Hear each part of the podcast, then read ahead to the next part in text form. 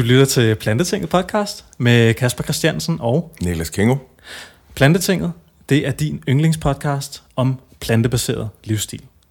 Vi har to sponsorer, der hedder, Greenspeak og Govego. og hvad, hvad kan de her to sponsorer her, Niklas? Ja, Greenspeak, det er jo Danmarks grønne teleselskab, som donerer en stor del af deres overskud til en masse bæredygtige velgørenheder. Så det kan du simpelthen gøre gennem dit øh, abonnement, mm. uden at det koster dig ekstra. Det er faktisk, deres abonnementer er en del billigere i forhold til ja, alle de andre. Så I går ind på blandetinget.dk, tryk på vores link, så kan I se alle de fede tilbud. Yeah. Og Govego er Danmarks plantbaserede supermarked. Oh, ja. Hop derind, køb en masse med koden blandetinget, så får du 10% af. Vi har lige fået en ordentlig sending af gærflager og perlebyg og, mm. og alt muligt. Cliff Bars. Lækker den. Ja. Så øh, det blev hjernet hurtigt. Ja. Så plantetinget for 10% inde på øh, govego.dk. I dag, der øh, har vi en rigtig treat klar, fordi mig og Niklas har ikke og snakket om, at øh, vi har haft mange sådan, forfattere inde, og inde, og vi har haft forskellige foredragsholdertyper inde, men vi har manglet sådan lidt en sådan iværksætteragtig type. Og øh, nu har vi gjort det scoop, fordi nu har vi endelig fået fat i en sådan type. Han er uddannet i økonomi, kan polit, og så står han bag det, der hedder Plant Jammer. Michael Hase, velkommen i Plantetinget. Mange tak. Er du, øh, er du klar på at fortælle lidt om øh, dit projekt nu her? Ja, meget gerne. Meget Mm. gerne. Det er, jo, øh, det er jo som at have et lille barn, når man starter sådan noget her. Det bliver meget nært en lige pludselig. Og sådan helt konkret, bare for at korte det ned, hvad er Plant Jammer? Jamen, øh, vi, vi vil faktisk bare gerne lave, øh, meget ydmygt vil vi gerne lave verdens bedste madlavningsassistent, som, øh, som så også er vegetarisk Mm. øhm, og plantebaseret. Øhm, og det vi gør, det er, at vi siger, vi vender den lidt på hovedet. I stedet for at du skal ind på, når du skal lave noget nyt øh, i dit køkken af madlavning, i stedet for at du skal ind på Google og finde imellem, du ved, 22 millioner opskrifter frem og tilbage. Åh, oh, der var hestebønder i den anden, og hov, der var persille i den tredje. Så vender vi den på hovedet. Vi øh, tager 3 millioner opskrifter, vi finder rundt omkring, og så ser vi mønstre i dem ved hjælp af det, der hedder et neuralt netværk. Og det er noget fra kunstig intelligens. Mm. Og så kan vi lave sådan en helt smagskort over, hvilke ingredienser, der passer godt sammen. Og så kan vi lade dig bygge din egen ret i stedet for, placeret på planter. Så du simpelthen laver gode retter, men du bygger dem selv, i stedet for at finde andres opskrifter. Okay. Så øh, altså, er det, er, taster man så bare ind på appen, hvad man sådan har i køleskabet, og så, så spytter den en opskrift ud til dig, eller hvordan? Lige præcis. Så en af de ting, du kan gøre, det er at taste ind, når du har. Så fortæller algoritmen dig, at de der fem ting, du har tastet ind fra dit køleskab, så passer tre af dem rigtig godt sammen. Du mangler bare lige en syre. Og der er de her fire forskellige kilder til syre. For eksempel kan det være, at du skal tage noget citron, der passer godt sammen med det, du har. Så vælger du det, der, det oveni, og så har du en ret. Okay. Og det, og det fungerer på den måde, at, at man kan jo simpelthen, der er jo lavet studier på, hvad for nogle, øh, hvad for nogle smage, der, der, der fungerer godt sammen, og hvad der er øh, s- salt, sødt, umami, bitter. Og det, er, der, er, der, er der fem? Salt, sødt, umami, bitter, øhm, og så har vi at gøre med surt.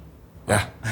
Og sådan, der er, jo, der er jo, kan man sige, der er algoritmer for, hvordan de her øh, forskellige slags smage, hvordan de fungerer sammen. Lige præcis. Så ja. hvis du skal have en god ret, så er der en række ting, der skal ligesom gælde. Så for ja. det første, så skal du øh, komplementere de her fem grundsmage. Det vil sige, man kan balancere. Så det er det, man vi taler om øh, ved, øh, surt og sødt, for eksempel. Ikke? Mm. Det, er, det er to ting, der balancerer hinanden. Mm. Tilsvarende. Øh, så kan du balancere alle de her forskellige grundsmage.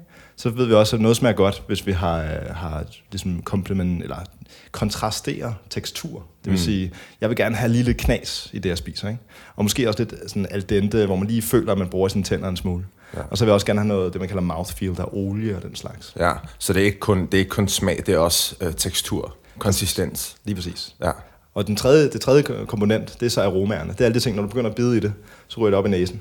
Ja. Så hvis du prøver at spise noget med, med helt lukket næse, så, øh, så smager du meget mindre. Mm. Uh, du kan nok ikke kende forskel på en, uh, på en gin tonic og en, uh, en, en, en vodka juice, hvis du har det lukket med næsen. Ikke? Fordi ja. det Ja. er aromaerne, der skaber 80% af den smagsoplevelse. Det er også derfor, når folk skal sådan, ikke, når man ser folk øh, spille øh, torskelevertræn eller sådan nogle ting, så holder Så de for næsen. næsen, ja. ja. Der er en god grund til det. Ja. og det er det sidste, vi gør. Det er der, hvor vi er nødt til. Der er simpelthen der er så mange aromaer. Altså, du ved, mens der er fem grundsmage, så er der måske øh, du ved, 14.000 forskellige aromaer. Og vi har nogle fantastiske næser, der kan, kan ligesom identificere alt det her. Mm. Så der er vi simpelthen nødt til at bruge nogle, nogle kraftige værktøjer, end bare lige at sige, at du skal balancere. Mm. Så det er der, hvor vi bruger det her kunstig intelligens værktøj til at Mm. forstå, aromaerne, og hvordan de smager godt sammen. Ja. Hvis man bare spørger 3 millioner opskrifter, hvad synes I, der smager godt sammen? Hver opskrift er en stemme på, en, på et godt match af, af ingredienser og aromaer. Og så lader vi det ligesom betyde noget for et smagsnetværk, hvor vi kan lade folk rejse rundt i. Ja, og Så det er, jo også det, det er også det, der er så vigtigt, fordi der er jo for mange, der er mange for hvem, at når de skal skifte til en, en mere plantebaseret diæt, mm. det, det er utrolig svært, fordi de kan ikke bare, altså hvis, hvis man ser, hvad mig og Kasper for eksempel spiser, det kunne være sådan to kilo ka- kartofler med ketchup, eller et kilo havregryn, eller sådan noget med, med sukker på, og whatever. Det er ikke nok for langt større. Altså, de, de, skal, altså, de skal læse bøger og virkelig sætte sig ind, fordi de, mm. de føler, at de har et hul i maven, hvis ikke der er noget umami, hvis ikke der er noget, hvis ikke de får en, en, en masse fedt og protein, så bliver de ikke øh, tilfredsstillet Ja, på præcis. den måde. Så det er jo det, der er super vigtigt. Ja. Fordi det er der jo mange, der tror, så bliver de veganer, så tror de, jamen, så spiser jeg bare, så spiser jeg det, som mig Kasper for eksempel spiser, det bliver de bare slet ikke tilfredsstillet af på nogen måde. Mm. Så det er super vigtigt, at der er sådan en ressource. Jamen, hele grundpræmissen i det, det, det, jeg starter op her, det er at sige, det skal ikke føles som et kompromis, når jeg nu øh, lader være med at spise kød. Mm. Det skal føles derimod som noget fantastisk. Du ved, jeg har reduceret, jeg har måske taget fire ingredienser væk, ikke? altså mm. nogle af de forskellige slags kød, og så, så er der 400 uh, spændende plantebaserede ingredienser derude, jeg kan bade i. Ja. Uh, og så længe jeg forstår den diversitet, og kan lege med det, og forstå, hvad smag er, og hver dag, altså nærmest sådan, hver gang jeg spiser, så er det en lille meditation, fordi jeg lige pludselig har smidt noget nyt i, ikke? Ja. Så, øh, så er det spændende. Altså, så er det, så er det et, et, et add-on lige pludselig at faktisk spise vegetarisk, i stedet for at være et kompromis. Du sagde, hver gang du spiser, så er det en meditation. Det har jeg hørt dig sige sådan en eller to gange før i nogle præsentationer, jeg har fundet med dig på nettet. Ja. Kan du prøve at sætte lidt flere ord på det, og hvad du mener med det? Ja. Øhm, jamen for det første, så, hvis vi tager der, hvor vi, vi står lidt i dag, det, så står vi ikke der, hvor folk de ligesom mediterer, når de spiser. Tværtimod, ikke? Mm-hmm. Det handler bare om at få nogle makronutrienter ned, ligesom sørge for, at jeg føler mig mæt, øh, så jeg ligesom kan komme videre med mit liv. Ikke? Det, mm. det er spise for at leve. Ikke? Mm-hmm. Øhm, og, øh, og det synes jeg er ret synd, øh, fordi faktisk så er det her en mulighed for i en mega travl hverdag. Du ved, vi står alle sammen og kigger ind i en eller anden, til, en eller anden computerskærm og en telefonskærm i, øh, i 10 timer om dagen nærmest. Ikke? Mm. Og der er nogle få muligheder for ligesom at komme ud af vores krop og faktisk øh, lade os være mennesker igen og være til stede i nuet. Det er for eksempel, når vi dyrker noget motion, hvor vi ligesom føler vores krop. Øh, jeg vinterbader, så der føler jeg det også. Men det er også, når vi spiser. Fordi der er nemlig alle de her muligheder for, at du ved, det er jo som sagt 10.000 vis sensorer i vores, vores mund og vores næse, der bliver sat i, sat i aktivitet. Hele vores hjerne kommer i gang og bliver ude i vores krop, når vi spiser. Og det er en mulighed for igen at have det der break, hvor vi ligesom er tilbage i vores krop. Og ikke bare op i vores hoved hele tiden, men faktisk virkelig føler vores krop. Og det er det, som meditation jo også gør. Det er at få dig ind i nuet, øh, og sørge for ligesom at, øh, at ligesom finde ud af, at jeg er til stede og behøver ikke tænke på fortid og fremtid. Jeg kan være lige her og lige nu. Og det er det, som mad kan, hvis man lader det gøre det, okay. og ligesom eksplorerer det, det rum. Ikke? Okay, interessant. Så, så det, det, at det er din vision med Plant Jammer, det er måske at facilitere en eller anden form for meditativ spisning. Jeg, jeg tror, øh, jeg, havde, jeg har aldrig troet, at jeg skulle ind i mad, for at være helt ærlig i sin Okay. tid. Vel? Men, men jeg er kommet ind i det, netop fordi jeg har fundet ud af, mad er sådan fantastisk kraftfuld, øh, det man kalder en vektor for forandring. Øh, det er på mange planer. Altså det er mentalt, som vi lige taler om nu her, hvor man ligesom har mulighed for at få folk til faktisk at blive mindre stresset, hvis de ligesom smager på deres mad og, og sætter pris på deres mad. Uh, men det er også i forhold til, ligesom, at vi kan ændre en masse ting omkring bæredygtighed uh, ved at spise de rigtige ting og lade være med at lave så meget madspild. Uh, hvor vi har en, nogle fantastiske muligheder. Det er sådan en af de der ting, hvor vi ikke behøver regeringer, vi behøver ikke store infrastrukturprojekter, og en masse penge bliver investeret for at lave store forandringer, og faktisk gøre verden meget mere bæredygtig. Det kan bare skabes i vores eget køkken. Mm. Måske med plantjammer.com i hånden. Mm-hmm. Fordi altså, vi laver ikke andet end at æde hele tiden. Mm. Altså vi forbruger, det er jo det, vi forbruger mest. Det er jo mad. Fuldstændig. Altså vi skal æde, mm. ellers så fungerer vi jo ikke. Ja. Jeg så, jeg så sådan en, en, en gut, der lavede en video over, at han prøvede, han lavede sådan en, en, en trøje, hvor han smed alt sit affald øh, i løbet af bare, jeg tror bare, det var to dage, ind i, ind i sit tøj. Øh, og så blev han bare sådan større ja, og større, blev sådan en Michelin-mand i løbet af de der Ja, to ja. dage. Bare for at lige gøre en bevidst om, hvor meget vi bruger. Ikke? Og det er alt sammen baseret på mad jo. Det var alt sammen det der emballage, han havde spist ud fra. Ikke? Ja. Så der er virkelig, altså vi, man glemmer det, men vi, vi smider altså meget, meget kul, kul ned i den der maskine øh, dagligt. Mm. Øh, og derfor er der også kæmpe forskel at gøre, hvis vi gør det på en ordentlig måde. Du var ikke kok, men nu står du her med et kæmpe madlavningsprojekt, eller en eller anden form for madformidlingsprojekt. Ja. Kan du prøve at fortælle os lidt om din baggrund, og hvorfor startede du den her app her? Og jeg så, det var noget med, at uh, du gik rundt i USA, og der var udtørk, eller tørke, eller hvad man kalder det. Ja. Hvad, hvad var det for nogle sådan, tanker, du fik derovre? Ja, men altså, hvad hedder det, det har været en, været en lang rejse for mig i virkeligheden. Det startede netop med, at jeg ligesom, jeg, jeg, jeg stod over i, uh, stod over i USA, og der var over i, på, i Kalifornien, der har de jo mange mangel, mangel på vand. Uh, så de har tørker ret ofte. Det er sådan hvert andet år, så har de en stor tørke i Kalifornien, og alle deres uh, flotte pools, de bliver lukket ned, fordi de ligesom skal passe på vandet. Ikke? Men deres golfbaner står der stadig. Det gør det selvfølgelig. Ja, der er er nogen, der ligesom, dem, der har pengene, de får lov til at stadig at bruge vand. Ja. Ja. Det er ligesom det, der gælder. Ikke? De hvide mænd, de skal spille golf, det er vigtigt. Det kan vi Præcis. undgå. Præcis. Men det var sådan lidt ironisk. Så stod jeg der, og så var der sådan nogen, der havde lavet en uh, ret fed sådan, uh, billboard, sådan en reklame, der stod, stod op uh, ved, ved en stor vej, hvor der stod, hvis du gerne vil, dig som privatindivid, gerne vil spare 5.000 liter vand, så kan du vælge at gøre en af, af tre ting. Så enten så kan du uh, lade være med at uh, hvad hedder det, skylle dit toilet i 6 måneder i træk. Det lød sådan lidt klamt, så det var måske ikke lige det, jeg ville vælge. Den næste mulighed, det var, at jeg kunne lade være med at tage et bad i, i tre måneder i træk. Det er også måske lidt presset. Uh, men man kunne også spare 5.000 liter vand, hvis man bare lod være med at spise én hamburger, den her ene frokost. Uh, og det er jo sådan rimelig klart, når jeg sådan kigger på det der, det man kalder massebalancer. Det er som over, hvor meget vand, hvor meget CO2, hvor meget energi sådan brugt på vores, vores kødforbrug.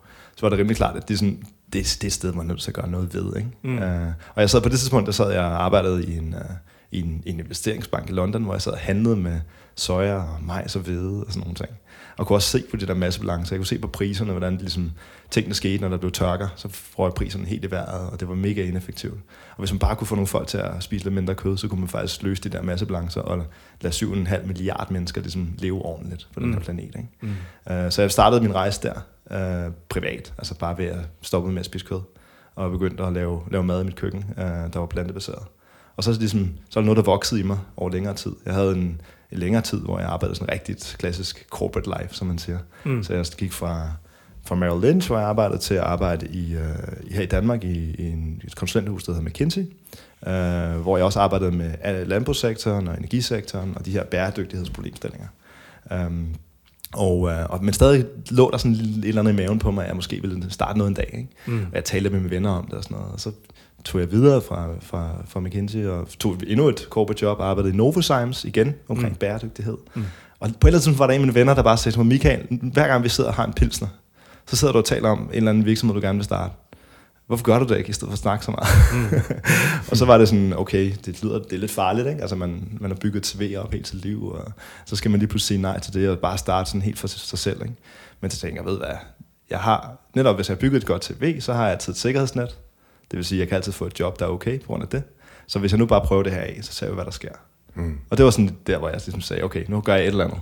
Og så startede, fik jeg et TVR, øh, startede en virksomhed. Øh, dengang hed det Garbanzo, som er det engelske og spanske ord for kikært, mm. øh, som jeg bare synes lød fedt. og øh, jeg troede, jeg skulle lave sådan nogle proteinrige supper, øh, fordi det var ligesom, som var baseret på planter, fordi det var en måde ligesom at få folk til at spise mindre kød. Kom frem til, at det var, det var ikke rigtig, det var ikke der, der var en stor efterspørgsel, og det var måske også rigtig mange i andre lande, der prøvede at lave noget lignende og sådan noget. Så hvis jeg nu kunne lave noget, der var lidt anderledes, og så sad jeg og tænkte på mit eget køkken. Hvad er egentlig mine udfordringer, når jeg skal lave mad? Jamen, jeg vil gerne forstå, hvad der passer sammen. Så kan jeg ligesom jamme mig frem til en ret. Og så begyndte det der jamme ligesom, jo ja, det er faktisk, når jeg laver noget mad i et køkken, så vil jeg gerne have det der sådan tilgang som, som et jazzband, der står og laver musik. Ikke? Altså de, skal, de har nogle noder, men ud fra de der grundnoder, der, der jammer de. Altså de spiller lidt frit. Ikke? Det er ja. egentlig sådan, jeg gerne vil lave et køkken. Mm. Og så skiftede jeg navn til virksomheden fra Garbanzo til Plan Jammer. øh, Derfor. Øh, og, og begyndte så den her rejse på at sige, hvordan kan man ændre sine køkkenvaner. Så nu har du lavet en app. Hvordan, hvordan kom du fra, fra at stå i køkkenet og sige, nu, nu jammer vi sgu lidt, til, til så at stå færdig med en, uh, en applikation, som folk kan downloade på deres uh, telefoner og lave mad ud fra? Ja, altså jo, for det første, så er det stadig en, en hjemmeside, så det er, den, den, den sidder på planjammer.com, Ja, det er øh, rigtigt. og ikke en app endnu. Vi var også inde og lege med den her, både ja. i går og i dag. Ja. Men det fungerer jo lidt som en app. Ja, altså, det er jo sådan en, det er jo en, en iOS-optimeret side. Lige præcis. Så det er ikke en af de der kæmpe store desktop-sider, hvor du skal sidde og zoome ind på hvert felt for at trykke på et eller andet via din iPhone eller whatever. Det er jeg så glad for, at du siger. Ja. Hvad hedder det? Nej, men det er hele ideen, og det er det, der hedder en progressive web app. Og ideen ja. Er ligesom, hvis vi kan gøre det, det er bare meget nemmere lige at trykke på en hjemmeside i virkeligheden, end at skulle downloade en masse ting, mm. øh, og skulle vinde på en eller anden stor app store. Så i stedet for, så prøver vi at gøre det på hjemmeside først, ret til. Og når vi har det rigtig gode produkt, kan det være, at vi laver en app. Men starter med hjemmesiden, og så gør det nemlig sådan, så mobilvenligt som overhovedet muligt. Ikke? Ja. Og det er egentlig sjovt, at der er så mange, at det skal, jeg synes, det skal være en app, når jeg tænker, ja. jeg vil gerne have så få apps på min telefon som muligt. Jeg gider ikke have alle de logoer. Nej, det, det er der, der er federe ved, ved bare er en, en app i Safari eller Chrome eller whatever. ja. du kan åbne på den måde.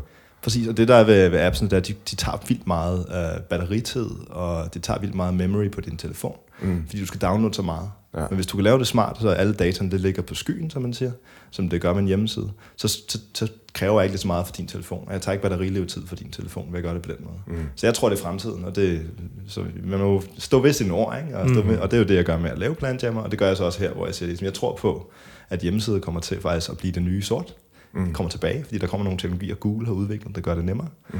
Og uh, derfor udvikler vi der, derudfra. Mm. Og det, men, men, men for at komme tilbage til det spørgsmål omkring, ligesom, hvordan blev det her så til, ligesom, ikke? så startede det jo, det er sådan igen sådan en snørklet vej, hvor jeg ligesom sagde, okay, hvis jeg bare gerne, jeg vil egentlig bare gerne lave noget, der matcher nogle ingredienser. Og så kiggede jeg på, hvem havde gjort det før og sådan noget. Så var der nogle belgere, der, der hedder foodpairing.com, der var sådan en udmærket side, I endelig må besøge, mm. som netop lavede noget i den retning, og tænkte okay, det kan jeg måske gøre lidt smartere. Så jeg prøvede at lave min egen sådan, netop sådan matching af algoritmer, af matching af ingredienser af ting. Og så fandt ud af, at alle vores brugere, de sagde ligesom, ja, det er fint nok, jeg ved, hvad der passer sammen, men jeg vil gerne lave en ret. Altså, hvordan finder jeg ud af, hvad det er for en slags ret? Og så fandt jeg ud af, at jeg skal bygge noget mere på. Og så var det, at vi begyndte, og nu har vi fire slags uh, rettyper, ikke? så man kan ligesom lave en pizza, man kan lave en pasta, man kan lave en wok, og man kan lave en salat. Og vi har 10 mere i, i, i baglommen, vi snart smider ud. Ikke? Okay. Uh, for netop at det ender med en opskrift, for det bliver sådan rettet til. Og så er der sådan en kæmpe rejse på vejen, hvor jeg finder ud af, hvad består en, hvad består en salat af? Ikke? Og så skulle, man til at, skulle vi ligesom til, at, til at, at finde ud af det, og tale med en masse kokke, og vi har en masse, jeg har talt lidt med Claus Meier, jeg har lidt talt lidt med, med, med nogle amerikanske kokker også, som sådan, synes, det er fedt, det vi laver. Og så sådan taler igennem, om hvis du skal lave en salat for eksempel, så skal du have det, vi kalder bulk, som er din, din mæthedsfølelse. Du skal have et eller andet, der enten har noget fiber eller noget protein i sig, som ligesom giver dig noget, noget mæthedsfølelse.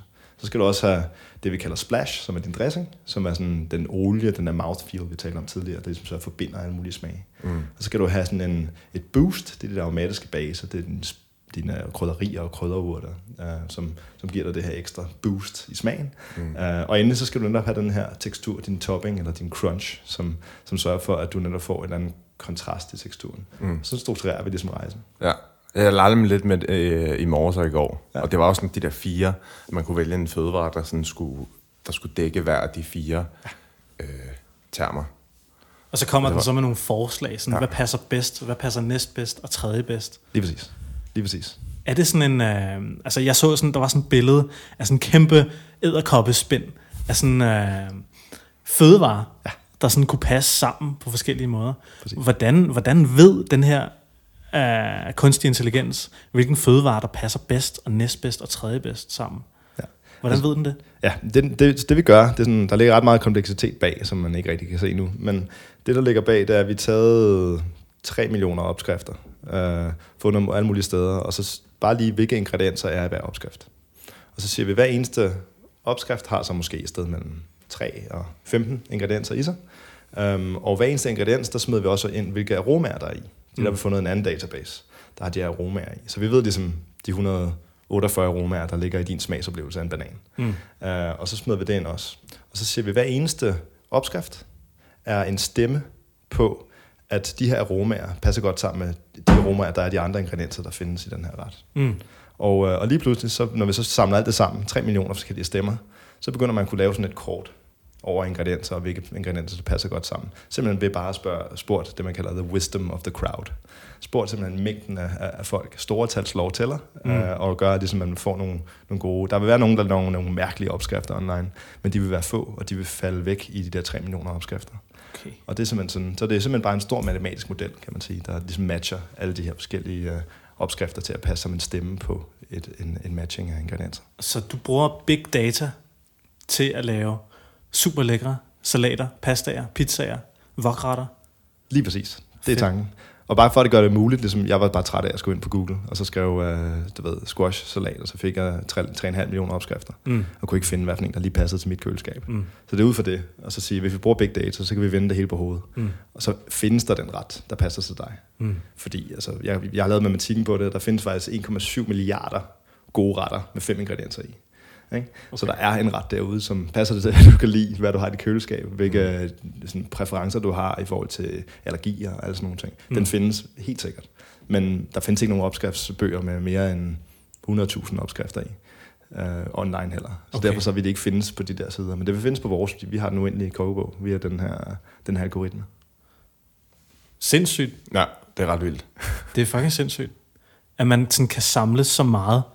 Altså, du siger flere milliarder. Sagde du 1,4 milliarder? 1,7. 1,7 milliarder forskellige opskrifter til bare fem ingredienser. Shit. Shit, mand. Ja, man kan lave matematikken, hvis der er 400, 400 ingredienser, der kan pa- passe ind, i, passe ind i alle de huller der. Ja. Jeg tror, det var 1,7 var det, hvis der var 6, for at være helt Okay. ærlig. Men, men øh, hvis man laver matematikken på det, så kommer det til at blive så mange simpelthen. Og det er den, der passer godt sammen. Ja. Ja. Uh, så det er ud for vores algoritme på den måde. Så det, det er simpelthen det, det fantastiske ligesom, ocean, man kan rejse i. Ikke? Mm. Så behøver det ikke at være kartofler og ketchup længere. Nej, så nej, kan nej. man lave noget rigtig interessant Ja. hver dag. Ikke? Altså bare sådan et eksempel her til morgen. Uh, der skulle jeg lave en... Uh, jeg laver altid havregrød om morgenen, ikke? Og uh, jeg, havde, jeg havde nogle gulerødder, som skulle bruges, så jeg tænkte, jeg skal lave noget med gulerødder. Uh, det lyder lidt mærkeligt, men nu smed jeg smed jeg gulerødder ind i appen og fandt ud af, at det passede godt sammen med kokos. Så lavede jeg en masse med, så lavede jeg, smed jeg kokos i, og så smed jeg, fandt jeg ud af, at det passer åbenbart. De to ting passer rigtig godt sammen med ingefær, kanel og kardemomme. Alle sammen ting, jeg også havde i mit køleskab. Så smed jeg også det i. Så skulle jeg have noget olie i, fordi det ligesom giver den her ekstra creamy følelse i en havregrød. Og så smed jeg sesamolie i. Fordi det var det, der kom allerhøjst af olierne. Mm. Og så skulle jeg have noget syre, og der var så citron, der kom højst. Mm. Mm. Og sådan så lavede jeg det som, du ved, det tog mig fire minutter, og så havde jeg lavet en havregrød, jeg aldrig havde lavet i mit liv før. Så, så du puttede citron i din havregrød? Jeg puttede citron i min havregrød. Og det, det smagte godt? Ja, ja, ja. Det, altså, det er jo bare en, syre, en kilde til syre. Ikke? Altså, Ja. det, det, det, er det, man nogle gange glemmer. Man har sådan nogle idéer omkring, hvad skal morgenmad, aftensmad, frokost være. Ja, ja. Men hvis man ligesom bryder lidt med det, så kan man få nogle fantastiske oplevelser. Altså, jeg har fundet meget, meget skøre ting i min, øh, min, min, min havregrød om morgenen. Hvad er det, hvad er det skørste? Øh, det, er så, det lyder skørt, men jeg gjort det faktisk næsten hver dag nu. Jeg, men øh, soja. sådan noget so- soja i min, øh, min havregrød. Øh, Så er sovs? Sojasauce, simpelthen. Nå, okay, jeg skulle lige til at sige, jeg burde sgu da sojamælk i min havregrød hver dag. Nå ja, sojamælk. Nej, det, det, er, det er vandbaseret havregrød, jeg laver, og så er det med, med, med, med sojasauce. Ja. Uh, simpelthen. Og det er, fordi det giver igen den her, det er, en- det er jo sådan en umami-kilde, ikke? Så det skal bare en lille, lille, dråbe, lille dråbe af det, så bliver smagen bare, altså alle smage bliver stærkere. Mm. Det hele bliver kraftigere. Det er det, der er fantastisk. Det er meget, meget let, ikke? Fordi det er jo ret intenst, Fuldstændig. sojasauce. Man skal Har du så, men, men så skal du vel have en, øh, en, en sødme, hvorfor du, så, så skal der være en sødme før, at sojaen smager godt, ikke? Fuldstændig. Ja. Uh, honning uh, passer rigtig godt sammen med soja, Ja. uh, og det er det, jeg har brugt meget der. Ja. Uh, den ret, jeg lige lavede her til morgen faktisk, der blev det sådan noget uh, brun farin, fordi det, passede, det fik jeg at vide passede godt sammen med Det smager også det havde selvfølgelig. og smager, og det smager. Ja, ja. ja, ja. Præcis, ja. Så det er sådan en, en hverdagsting, ikke, hvor du på tre minutter kan lave noget, som du føler, sådan, det, er der, det er der helt sikkert ikke nogen, der har lavet før mig. Uh, men det smager jo smager Det kan være, jeg, skulle, jeg, har lavet, jeg har sådan en kæmpe portion overnight oats, der står der Nice. derhjemme med ja, havregrød og chiafrø og, og øh, øh, jordbær. Mm. Og så øh, rismælk. Det kan godt være, at jeg lige skulle smide lidt øh, sojasauce i den, når den skal æde senere. Ja, ja. Ja. Det. Det kan varmt anbefales. Ja, grineren. Så ja, det, det er også, der kommer sådan nogle skøre ting ud af algoritmen også en gang imellem. Vi havde også sådan en ting, jeg, jeg, jeg, jeg godt kan lide at nævne, det er, hvad hedder det, at åbenbart passer uh, squash og banan ekstremt godt sammen. Ja. Uh, og det var Det stod noget, i en af jeres blogposts, ikke? Eller Ja, ja, præcis. jeres Lige præcis. om-sektion. Ja. Det er en af de der skøre ting, som, uh, som man bare finder ud af. Ikke? Altså, der er også noget som grønkål og kiwi. Ikke? Altså, der, der er nogle ting, som ligesom, hvor jeg, det havde jeg ikke tænkt. Nej. Uh, og så prøver man det. Altså, det, den, den simple version er jo bare at gå ned og købe en squash og en banan, og så tage en bid af hver, og så se, hvordan det føles. Ja. Hvordan vil du så spise de to ting sammen? Vil du spise dem rå? Jeg, sammen? ja, altså jeg, jeg, jeg, jeg plejer at lave, øh, jeg er faktisk, det er næsten sådan, jeg plejer at lave den nu, fordi jeg kan godt Mm. lide at lave den.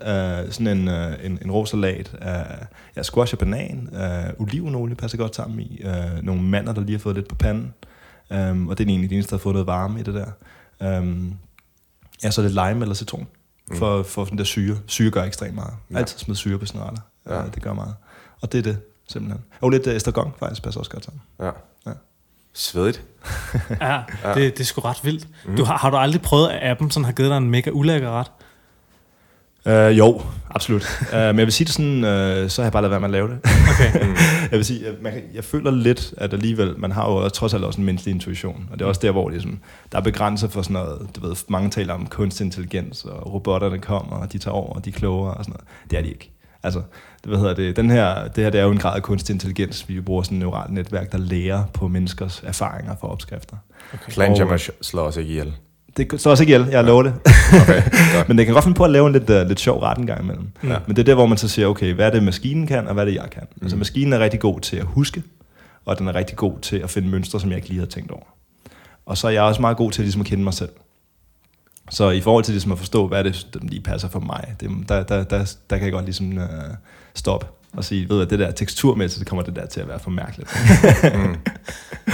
Fedt, ja. Så jo, men det er, det, det er igen der, hvor man, vi er tilbage til, at det skal ikke, jeg tror ikke på, at man bare skal være sådan en, en autopilot, der bare følger efter. Vel? Okay. Og det gælder også her. Det er jo stadig plan jamming, ikke? så man mm. har nogle noder, og så skal man selv ligesom freestyle lidt ud fra, Mm. og tænke selv. Mm. Uh, og det er den verden, som jeg gerne vil se. Mm. Og det er også den verden, man skal gå ind i, hvis man går ind i planjammer.com. Så er det ligesom en verden, hvor man får nogle råd, får nogle idéer, men man tænker også selv. Ikke? Mm. Uh, du får ikke en opskrift smidt i hovedet ved bare at vælge en ingrediens. Du vælger hver ingrediens en for sig, fordi du skal tænke selv og, og matche det med dit køleskab, og det du faktisk selv har lyst til. Ikke? Mm.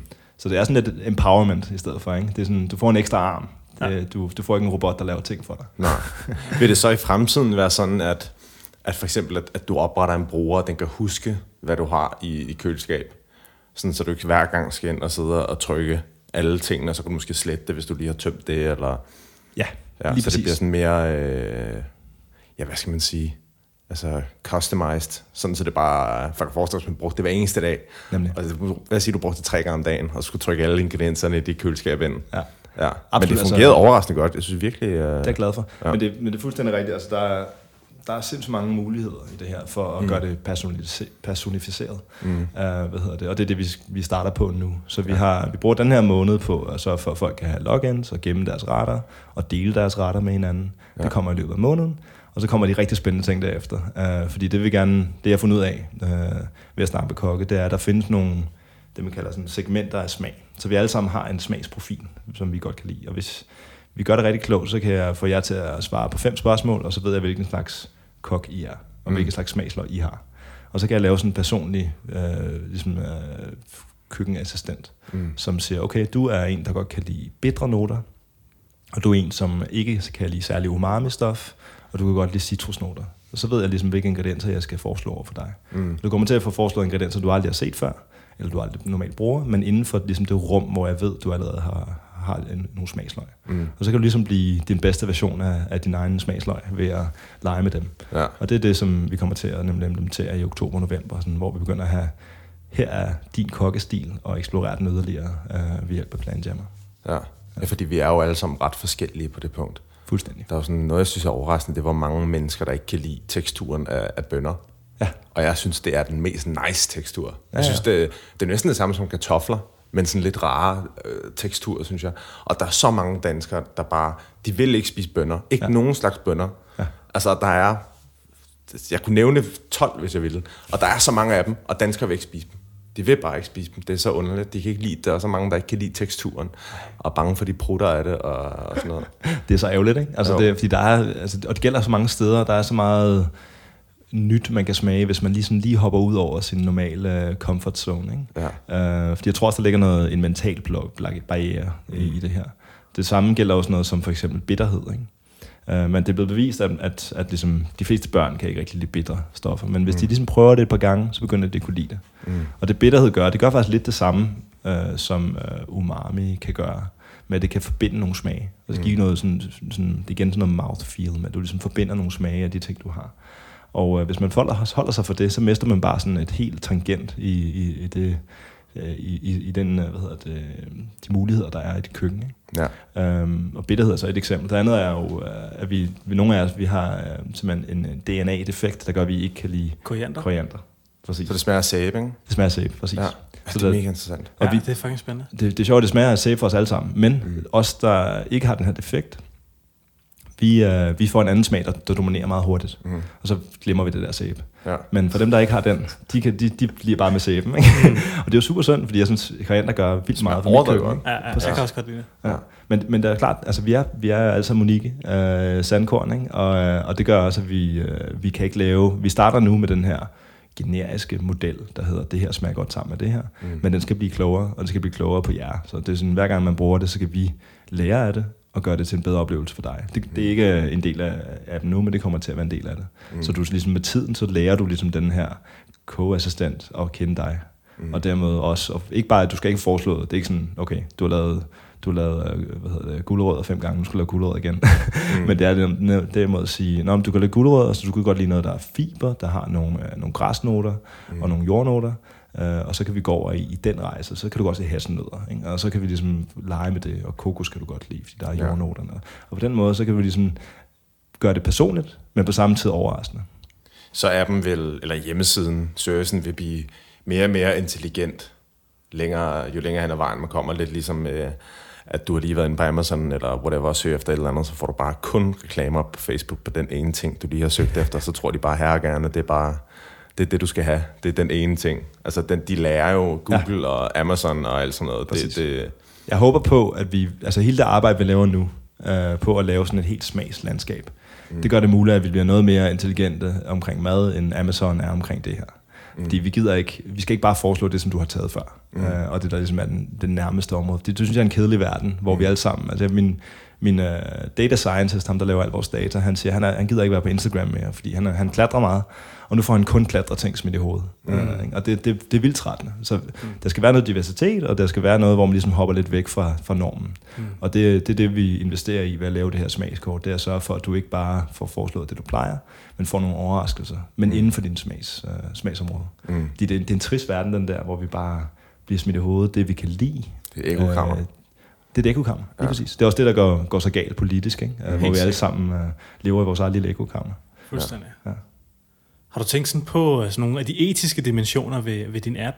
Jeg tænker på, hvis nu at, øh, for eksempel tilbage i, jeg tror det var i, i vinters eller i foråret, der var nogle problematikker vedrørende avocado og, og vandforbrug i, øh, i Sydamerika, tror jeg. Ja. Øh, hvad nu, hvis din algoritme lige pludselig foreslår sindssygt meget avocado lige i den periode mm. til folk, og, og det så går hen og bliver problematisk for, for nogle bønder, mm. der sidder på den anden side af jorden og sælger avocado. Det... Har, har I gjort jer sådan CSR på en eller anden måde, eller hvordan har I gjort det? Altså, det, det, det er et vildt godt spørgsmål, og et vildt komplekst spørgsmål. Ikke? Mm. Hvad hedder det? øh, Det var sjovt, jeg, jeg gik også lidt i dybden omkring den der sag, omkring øh, den her avocado i Peru, uh, som der var mange historier omkring. Uh, og det var, historien var jo også sådan lidt ude af proportioner i virkeligheden. Og det er det, der ofte sker med de her ting. Um, mm. Så bare lige for at tage den, så skal jeg nok spare spørgsmålet. Helt sikkert. Hvad hedder det? Uh, Fordi jeg stod nemlig nede i Føtex, ja. og så, så der, hvor avocadoerne var, der hang der så et skilt, hvor der stod, vi importerer ikke avocado fra Peru, ja. fordi at det er bønderne dernede er fucked, og de har tørke, og de mangler ja. vand og så videre. Og det var, også, det var præcis, hvad der skete. Altså, Så der var det her ene sted i Peru, hvor der blev groet rigtig mange avocadoer, og det gjorde bare, at det, det tømte bare fuldkommen øh, du ved, vandstand. Og, øh, og det var et kæmpe problem lokalt. Um, og så blev det lige pludselig blevet op til at blive, at folk begyndte at tale om, at om avocadoer er, du ved, smadrer verden, og det er meget værre end kød, og alt muligt andet, ikke? Mm. Uh, og så var det... og Det er virkelig at være penny wise og pound foolish. Fuldstændig. Altså, det, Altså, det var det er så fuldstændig forkert at fokusere på. Ja, jeg, så jeg lavede matematikken på det, ikke, dengang der, og så sådan, okay, hvor meget kræver det her, den her avocado så, ikke? Og, øh, og lavede matematikken dengang, jeg kan huske de præcise tal, men det var sådan noget med, ja, den der forfærdelige avocado-produktion, der var i Peru, der stod nemlig tal på, hvor meget vand den brugte, ikke? Det var stadigvæk seks gange mere effektivt, end at producere kylling, hvilket så betyder 28 gange mere effektivt, end at producere oksekød, mm. i forhold til, hvor meget øh, hvad hedder det, nutrition du får per, per, hvad hedder det, per vand. Okay. Ja. Så det er, sådan, det er sjovt, at man, folk begynder bare sådan at se, Nå okay, nu er det her vand til min mølle, så kan jeg fortælle, hvordan det her det hjælper for mig, og, sådan, mm. og så begynder folk at fortælle historier omkring, at avocado er værre end kød.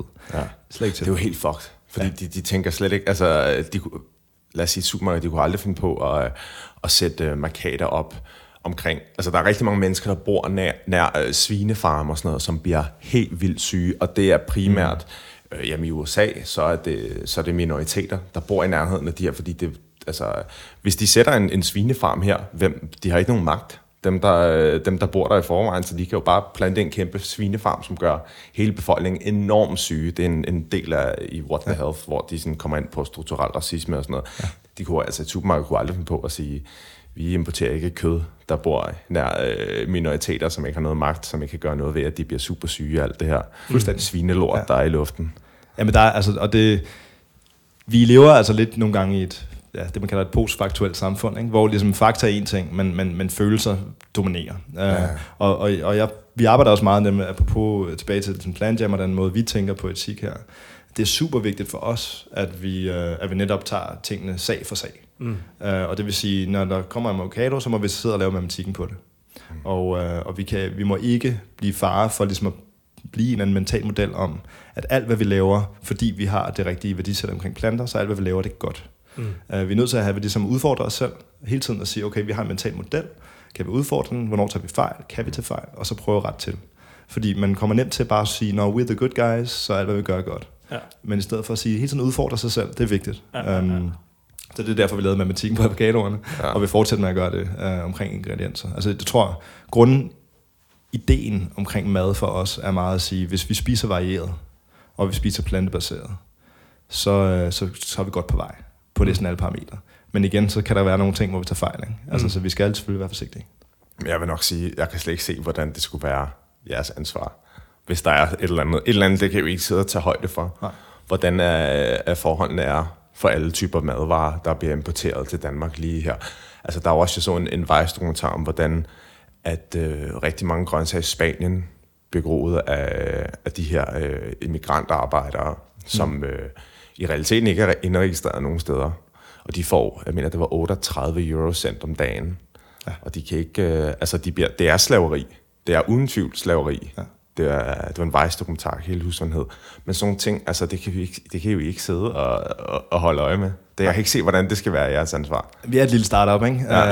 uh, vi er et lille startup med, med, med tre, tre fastansatte nu og, og fire studerende, som, uh, mm. som gør, hvad vi brænder for, men vi er nødt til at også fokusere vores tid. Ikke? Mm. Så der er selvfølgelig, der er, altså verden er så stor, uh, mm. og der er så, meget, der er så mange forskellige avocadoer, man, skal, man kan studere. Ja, ja, ja. Uh, så det er selvfølgelig svært, men jeg tror stadig, man har et ansvar for, i hvert fald i det store billede, at sige, okay, her er noget, vi er nødt til at have en holdning til. Mm. Her er noget, vi også måske er nødt til at ændre i vores algoritme, mm. hvis, vi, hvis vi skaber forkert adfærd. Okay. Uh, og det, det, det, er sådan, det er det, der får mig op om morgenen, det er at lave noget, der laver en forandring, der er god. Mm. Uh, og, og hvis jeg går køb på det, så kan det ikke være det værd at lave det, jeg laver. Mm. Uh, så, så der er stadigvæk en, uh, et ansvar. Mm. Uh, hvis vi har indflydelse, så har vi ansvar. Uh, og det vil jeg gerne stå ved. Uh, og det synes jeg egentlig også er det, der gør det sjovt. Mm. Absolut. Var det det, du følte... Uh nu arbejder du for, som du sagde, McKinsey og, og handlede med de her forskellige fødevarer. Mm. Øh, var det noget, du synes, de virksomheder, ikke for at takke, snakke lort om nogen som helst, men, øh, men var det lidt det, du følte måske manglede tidligere, det her ansvar her over for, for planeten og miljøet? Jeg følte faktisk, øh, altså jeg faktisk som et svar nej. Okay. Øh, jeg følte faktisk, altså både Sågar da jeg var i investeringsbanken Merrill Lynch over i London, som er kendt for ligesom at være, uha, det er de onde, ikke? Mm. Uh, der min chef, han var vildt etisk, altså, og okay. virkelig sådan, tale omkring de her råvareproblemstillinger, som om vi har et ansvar for at løse nogle ting. Okay. I McKinsey tilsvarende handlede om impact. Vi skal have en forskel, der er god for verden. Mm. Novozymes også. Altså virkelig steder, hvor man faktisk man taler og siger alle de rigtige ting, og man prøver også på at handle derefter. Mm. Jeg tror, det hvor jeg føler, at jeg havde et ansvar, uh, og hvor jeg føler, at jeg lever mere op til det nu, det er, hvad, hvad, hvad forskel gør jeg som privat person? Mm, mm. Altså, når jeg sad i de her store virksomheder, så var jeg bare en møtrik. Okay. Uh, og hvis min møtrik, jeg synes selv, at min møtrik var, var, var fin, men, uh, men der var nok en anden møtrik, der også ville passe fint ind der. Mm. Uh, så hvis jeg ikke var der, så var en anden, der kunne gøre stort set det samme. Klart. Hvorimod nu, hvor jeg sådan, laver noget ud af ingenting, uh, så føler jeg mere, okay, det her, det, der, det vil altså ikke ske, uden, uden at jeg ligesom prøver at tage en chance. Mm. Og det er super tilfredsstillende. Mm. Og det er bare sådan, fundamentalt set, giver mig bare værdi i min hverdag. Ja. Øhm, I stedet for den der følelse af, nå ja, en anden kunne gøre det. Okay. Ja. Så føler du sådan, du har, altså sådan personligt i dit liv, efter du har lavet den her startup her, har du givet afkald på mange sådan ting, for at, for at kunne starte det her op her? Altså man kan sige, nu har jeg efterhånden i, uh, i et år uh, betalt for at gå på arbejde, ikke? Uh, fordi lige nu, der er, altså, som I, I kan se på plantjammer.com, altså alt er gratis, mm. og alt det, der er gratis nu, kommer altid til at være gratis. Mm. Uh, vi kommer til at indføre nogle, nogle præmie premium-løsninger, netop omkring det her med personalisering og sådan noget, hvor man så betaler du ved, sådan noget 20-25 kroner om måneden mm. for at få adgang til det. Ja. Og det er der, hvor vi forhåbentligvis kommer til at have en omsætning, der gør, at det kan, vi kan overleve. Mm. Men, men nu, uh, mit største afkald er selvfølgelig, at jeg er gået på absolut minimum i mit budget. Uh, spare alt, hvor, hvor jeg kan spare. Uh, og uh, jeg står med at, ligesom, at rejse, mindre det er for arbejde, uh, for en stund. Uh, og så håber jeg på, at på et tidspunkt så bliver det her en forretning, der kan leve i sig selv, så jeg ligesom kan gøre det men det er udelukkende på det plan. Og faktisk så har jeg oplevet, at det er et ret lille kompromis. Okay. Fordi, øh, hvad hedder det, jeg tror sådan, der ligger helt grundlæggende os mennesker i virkeligheden, når, at, at selvom vi, er, nu lever vi i sådan en forbrugskultur, ikke? Uh, hvor at man, ligesom, man skal forbruge en masse ting, og det bliver sådan smidt op i os, at vi er bedre mennesker, hvis vi forbruger en masse ting. Men man oplever et øjeblik, hvor man faktisk reducerer sit forbrug. Det et øjeblik, hvor man faktisk prøver at blive mere økonomisk omkring sine ressourcer. så er det bare fundamentalt set tilfredsstillende. Mm. Og det er det, jeg oplevede som individ. At ligesom, det øjeblik, hvor jeg øh, du ved, tænkte lidt mere over de kroner, jeg brugte, jeg kunne bare mærke, okay, det, det, det kan helt tilbage til mine forfædre på savannen, det her. Om at hvis man er mere økonomisk med sine ressourcer, så kan man leve længere, og så er man lykkeligere. Øh, Det føles faktisk godt. Der er, det, det er sjovt, fordi der er et eller andet, tror jeg, instinktivt, der er tilfredsstillende ved ikke at, ved at være... Øh, øh, jamen, ved, ved, for eksempel, når du, når, ja, når du ikke smider din mad ud. Jeg elsker at, at tømme øh, beholdere. Altså for eksempel, i, i går, ja, for eksempel da jeg skulle lave min overnight oats der, Ja. så, så havde jeg tænkt, okay, jeg laver, øh, 100, jeg laver øh, 100 gram for at fylde den her op. Og så, så, så var der kun lidt tilbage. Så tænkte jeg, ah, så bliver det 150 gram. Fordi så havde jeg tømt den, og så er det sådan, så har, jeg har brugt det hele. Ja. Og det er sådan, der er et eller andet, øh, øh, der er noget instinktivt i det. Også sådan, for, for mig i hvert fald, når mad bliver smidt ud, det hader jeg. Ja. Jeg hader det. Jeg synes, det er, uanset hvad det er, jeg synes, jeg synes virkelig, jeg, jeg hader madspil. Ja. Og jeg hader den fornemmelse, ja. når jeg ser folk uh, smide mad ud. Eller, øh, jeg har, da jeg var yngre, har jeg arbejdet meget i sådan forskellige restauranter og sådan noget, og jeg hadede at smide mad ud. Så det er så... Øh, det, det, der, jeg tror, der er noget instinktivt i det. For mange af os i hvert fald. Jeg er helt enig. Og, og vi føler, den, den følelse, du har, når du smider mad ud, den føler vi alle sammen. Den ligger helt instinktivt. Den ligger helt dybt nede i Jeg mavegulvet tror ikke, der er mange, der ikke føler det. For jeg synes, der er mange, hvor det virker som om, at de bare sådan... De, at, at de virker... Det, de har lidt en holdning til, at det, at det er en evig ressource. Jamen, jeg tror, det, det her det handler om det, det, man kalder kognitiv dissonans. Altså, mm. Fordi det handler om, de ved egentlig godt grundlæggende, at det er forkert, men de har gjort det så mange gange, at det er blevet en vane, at det er blevet okay på en eller anden måde. Ja. Og, men i virkeligheden grundlæggende i deres uh, heart of hearts, der, der, der, føler de, der føles det ikke godt, når man smider ting ud. Nej. Og det føles godt, når man bruger ressourcer effektivt. Ja. Fordi det er det, vi er programmeret til. Altså det var måden, hvorpå vi overlevede mm. øh, evolutionært ikke? På, ja. på savannen.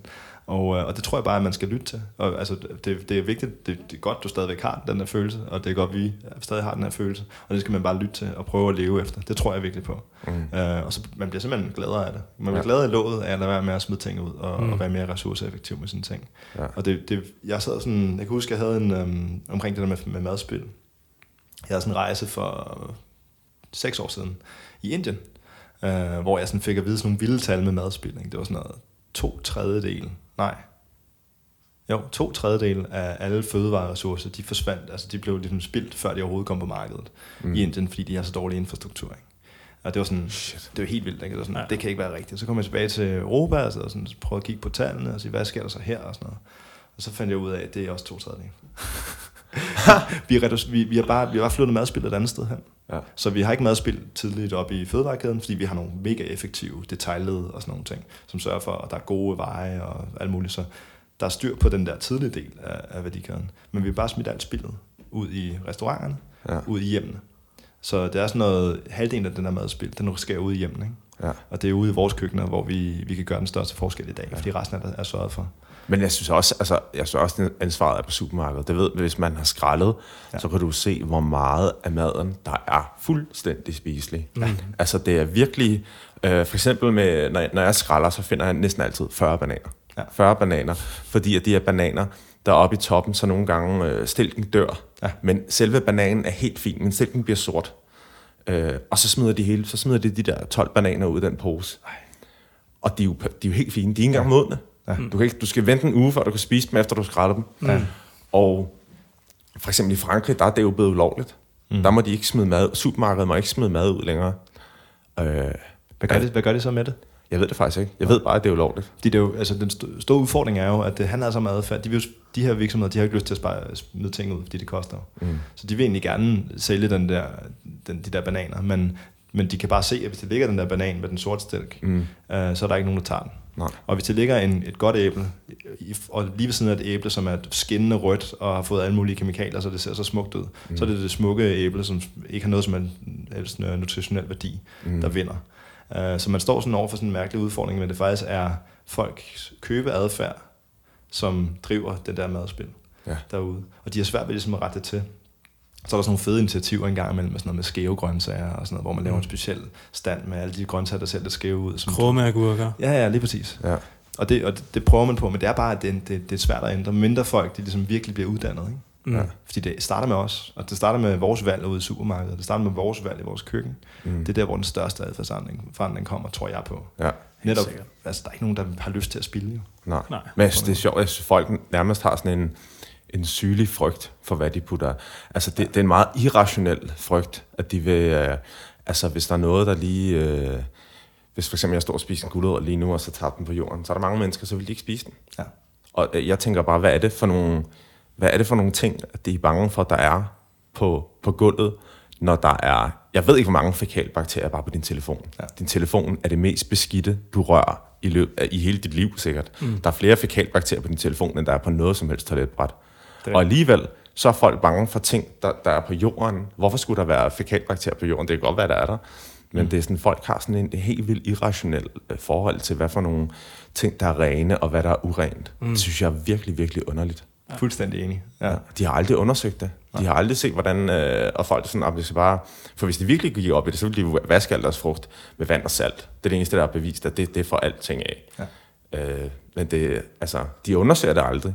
De har bare den her øh, medfødte intuition, som bare er helt ja. forkert. Og der kommer vi nemlig til sådan en anden øh, sjov sådan menneskelig adfærd, der er omkring det her med, at vi netop vi lever i sådan en st- steriliseret mindset, ikke? der hedder, mm. at alt skal være steriliseret. Ikke? Altså, det skal være så rent, og vi skal sørge for, ligesom, at der ikke er, der er nogen bakterier nogen steder. Ikke? Mm. Men der er vi jo vågnet op efterhånden. Jeg ved jo også, at I har fortalt historier om, øh, om ligesom, tarmbakterier, og hvad de kan gøre i forhold til mad. Og sådan. Der, mm. der, er faktisk, der er faktisk et helt verden der, der hedder, hvis vi ikke var så bange for alle de der, øh, alle de der bugs, så kunne vi faktisk få det bedste ud af dem. Mm. Så den der steriliserede mindset er rigtig, rigtig farligt. Ikke? Altså, nu begynder folk at fermentere deres mad, og lave kimchi og sauerkraut og kombucha mm. og alt den slags. Mm. Og det gør de netop, fordi det kan skabe et mere rigt miljø nede i din mave, der kan gøre, at du kan fordøje ting bedre. Ja. Mm. Og det er jo det, B12 er. Det er skidt. Ja. Og det er jo det, mange af os, også kødspisere, mangler. Den eneste grund til, at kødspiserne har det, det er, fordi de beriger. De giver vitaminerne til dyrene. Og, og det er det samme med, når du har taget antibiotika, så skal du have jeg ved ikke, lactobacillus ja. og alle sådan nogle ting. Det er jo bakterier, det er skidt. Fuldstændig. Altså det, jeg tror, at det som bliver den største øh, forandring, øh, hvis vi kigger fem år frem eller sådan noget lignende, ikke mere, det er, at folk begynder at blive bevidste omkring det, der hedder præbiotika, som, øh, som netop er fiberne. Så alle de fiber, vi spiser, når vi spiser planter, hvis man, hvis man spiser fiberrige ting, ikke hvis man kun spiser kartofler, men altså, hvis man spiser meget fiberrige ting, så, øh, så det, er, det er det, som de gode bakterier godt kan lide. Mm. Og det er der, hvor du ligesom har en masse styrke. Fordi det er nogle sukker, som faktisk kan klare at komme hele vejen gennem tarmsystemet. Øh, hvad hedder, og, og, og, og, på den måde også ligesom blive foder for de gode, øh, gode bakterier. Så Mm. får du det sundere, bedre og raskere. Ja. Og det tror jeg bliver den største forandring, hvor folk forstår, hvorfor er det? Fordi vi ved jo godt, at folk bliver sundere, når de spiser flere planter. Mm. Men vi ved ikke rigtig, hvorfor. Mm. Men jeg tror, det, jeg tror, det er the smoking gun. Det, Ja. er, det er de der fiber, som... Det tror jeg også. Fordi i min optik, så er, så er det er noget, jeg har tænkt lidt over, at mennesker bør ikke spise nogen som helst fødevarer, som ikke har fiber i. Fordi at, at alle de sunde fødevarer, det vil sige, det vil sige ingen, ingen kød, ingen animaliske produkter, ingen olie, ingen, faktisk ingen plantemælke, alle sådan nogle ting, fordi det er jo det er ikke hele fødevarer. Selvfølgelig spiser jeg dem. Selvfølgelig spiser jeg spiser masser af ting, der ikke har noget som helst fiber i, men jeg skal have mine 100 gram om dagen. Ja. Det skal jeg have igennem øh, rå grøntsager. Mm. Øh, fordi det er der super meget videnskab af, at, at det er virkelig det, der, der giver dig en god øh, bakterieflora. Ja. Men det er jo så sjovt, fordi så har jeg, jo- det har vi også snakket om før, jeg har taget sådan en ubiome-test. Okay. Og jeg havde åbenbart her dårlig bakterieflora. Så jeg, jeg tror ikke helt, vid- videnskaben er der endnu. Ja. Fordi jeg hjerner bare rå grøntsager ned. Ja. Og, og jeg havde, altså, det var ikke, det så ikke særlig godt ud. Men, men Så- øh, altså, jeg tror, for mig personligt, så tror jeg, at diversitet er det allervigtigste her. Ja. Altså som Mm. at sige, det er godt at spise grøntsager, men skal det være forskellige arter grøntsager. Ikke? Ja. Øh, det er godt at spise fiber, men du skal også have noget, jeg tror også på, at du skal have noget olie. Jeg tror også, du skal have noget stivelse, og jeg tror også på, at du skal have noget, noget protein af alle de forskellige slags aminosyre. Ikke? Altså, du skal have noget forskellige artet, Mm. forskellige vitaminer, forskellige præbiotika, forskellige makronutrienter, alle de her ting. Og den bedste måde, du ligesom kan komme til den her diversitet, det er bare at, være, at spise varieret. Mm. Men der er jo så bare mange mennesker, hvor de så, for eksempel specielt i forhold til øh, at leve plantebaseret og alle de her aminosyre, hvor folk tror, at det simpelthen det skal være hver eneste bid, Ja. der indeholder alle de her, Ja. ja. hvad er det, 12? Altså, Det er ja, ret mange aminosyre, og det er, sådan er det jo slet ikke. Altså, vi, vi taler spis varieret over måske op til en måned. Altså det vindue, hvor at din, al, altså det er ikke sådan, at du skal stresse over for meget på, sådan et, på 24 timer. Der er lavet studier på, for eksempel med de her aminosyre, at selve vinduet, hvor at, at de kan arbejde sammen, så at sige, det er meget større, Ja. ja. end, end folk går og stresser over. Så der er ikke nogen grund til at stresse over, at man ikke øh, får. Og det eneste veganske øh, komplette proteinkilder, det er quinoa. det, og det, jo, men det ja. spiller ingen rolle i det, i det sådan bigger picture. Nej, enig. Klart. Ja. Så hold dig til, hold dig til varieret mad øh, over en længere øh, række. Det ikke, du skal ikke spise varieret hver bid. Nej. du skal spise varieret over et forløb på en måned, Mm. og så klarer du dig fint. Altså, ja. der, der er sådan en, øh, en øh, amerikansk øh, fødevareantropolog, øh, antropolog, der hedder Michael Pollan, som, øh, som har nogle meget sådan, fede synspunkter. Et af dem, han siger, han siger, du behøver slet ikke det der nutritionelle råd overhovedet. Du behøver ikke at, at sidde og tælle kulhydrater og proteiner. Overhold tre regler. Mm. Og det, det hedder, hvad hedder det, eat real food. Det vil sige ikke alt muligt overprocesseret stof. Mm. Og det bliver oftest bliver den nemlig meget fiber, hvis det er real food. Mm. Mainly greens and not too much. Ja, Hvis du overholder de tre meget, meget simple kriterier, så klarer du dig fint. ja. Mm. Mm. Øh, sund, sundhedsmæssigt. Mm. Mm. Ja. Så kan der være nogle andre kriterier, der tæller for dig personligt. Du skal være opmærksom på at lytte til din krop og sådan noget. Men. Mm. men hvis du overholder de simple regler, så behøver vi ikke at gå ned og være calorie counters og sådan noget. Klart. Nej. Klart. Vi har også snakket om Michael Pollan i nogle tidligere podcasts. Okay. Øh, har selv læst ikke så mange bøger af ham, en enkelt, men øh, ja. fuck mand, han, er virkelig, øh, han har virkelig nogle fede betragtninger omkring ja. sådan øh, fødevareproduktion og ja, mad. Ja. Jeg kunne godt tænke mig at spørge dig om en ting, Michael. Har du tænkt sådan over øh, din målgruppe? Skal det kun være sådan plantespisere, eller har du sådan en, en specifik sådan målgruppe for, for dit Plantjammer-projekt? Altså det er klart, øh, det er klart at øh, eftersom jeg gerne vil have en forskel på verden, så vil jeg gerne have, at der kommer til at være du ved, millioner, måske endda en hel milliard mennesker, der bruger det her. Ikke? Altså Mm. fordi hvis de kan spise mindre kød, så er det godt. Mm. Og, øh, og det, det, er mit, det er min grundpræmis. Min mm. grundpræmis øh, og sådan hele visionen, vi ligesom har, det er at sige, vi har prøvet at lave matematikken på den anden dag, altså hvis vi fik en milliard mennesker til at spise øh, plantebaseret en dag om ugen mere, end de gør i dag, Mm. bare en dag om ugen mere, så vil vi spare lige så meget CO2, som hvis vi konverterede samtlige biler til elektrisk i USA, Tyskland og England på samme tid. Mm. Så det, det er den form for effekt. Og det, ud fra den overordnede vision, så kan man også sige, okay, så tydeligvis er vores målgruppe ikke udelukkende til eksisterende veganere og vegetarer. Mm. Nej, men nærmest tværtimod. Faktisk vores, vores vigtigste målgruppe er nok øh, dem, der bliver til flexitar. Dem, der ligesom tager en, en, en dag mere, hvor de spiller være med at spise kød. Mm. Mm. Og det er sådan, jeg tror, det er vigtigt for mig at, uh, at være mere sådan en bro, kan man sige. Med at sige, okay, hvis du prøver det her en dag om ugen, så begynder du at forstå, at det ikke er så farligt, og det ikke er så svært, og det faktisk smager godt. Og så begynder du ligesom at, at, at, at, gå dyb, dybere i det her plantemiljø. Mm. Ikke? Mm. Og uh, der står vi nemlig med sådan en udfordring generelt, at det som føler jeg, når jeg selv har lavet det her skifte mod plantebaseret, øh, personligt, der, der var sådan en, der er sådan en polarisering.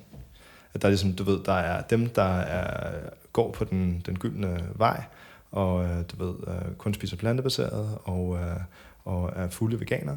Og så er der dem, som øh, er onde, og hvad hedder det, mishandler dyr, og, og, og spiser kød. Øh, og der er ikke noget midt imellem. Og hvem, hvem du så være en del af. Mm. Mm. Altså, så, ligesom, så skal du ligesom... Hvilket hold skal du spille for? Ja, stem dig ind. Altså, er du, er, du, er du hippie, eller er du ond? Ikke? Altså, det er ligesom Ja. de to valg, du har. Og det synes jeg er mega sundt. Fordi Mm. det tror jeg slet ikke er en fordel for os. Hvis vi tænker lidt mere pragmatisk, og siger, ved hvad, uh, vi har alle sammen lyst til at have en bedre verden. Vi har bare brug for nogle redskaber til at få det gjort. Og vi, i bund og grund, så er vi alle sammen, du ved, etiske mennesker.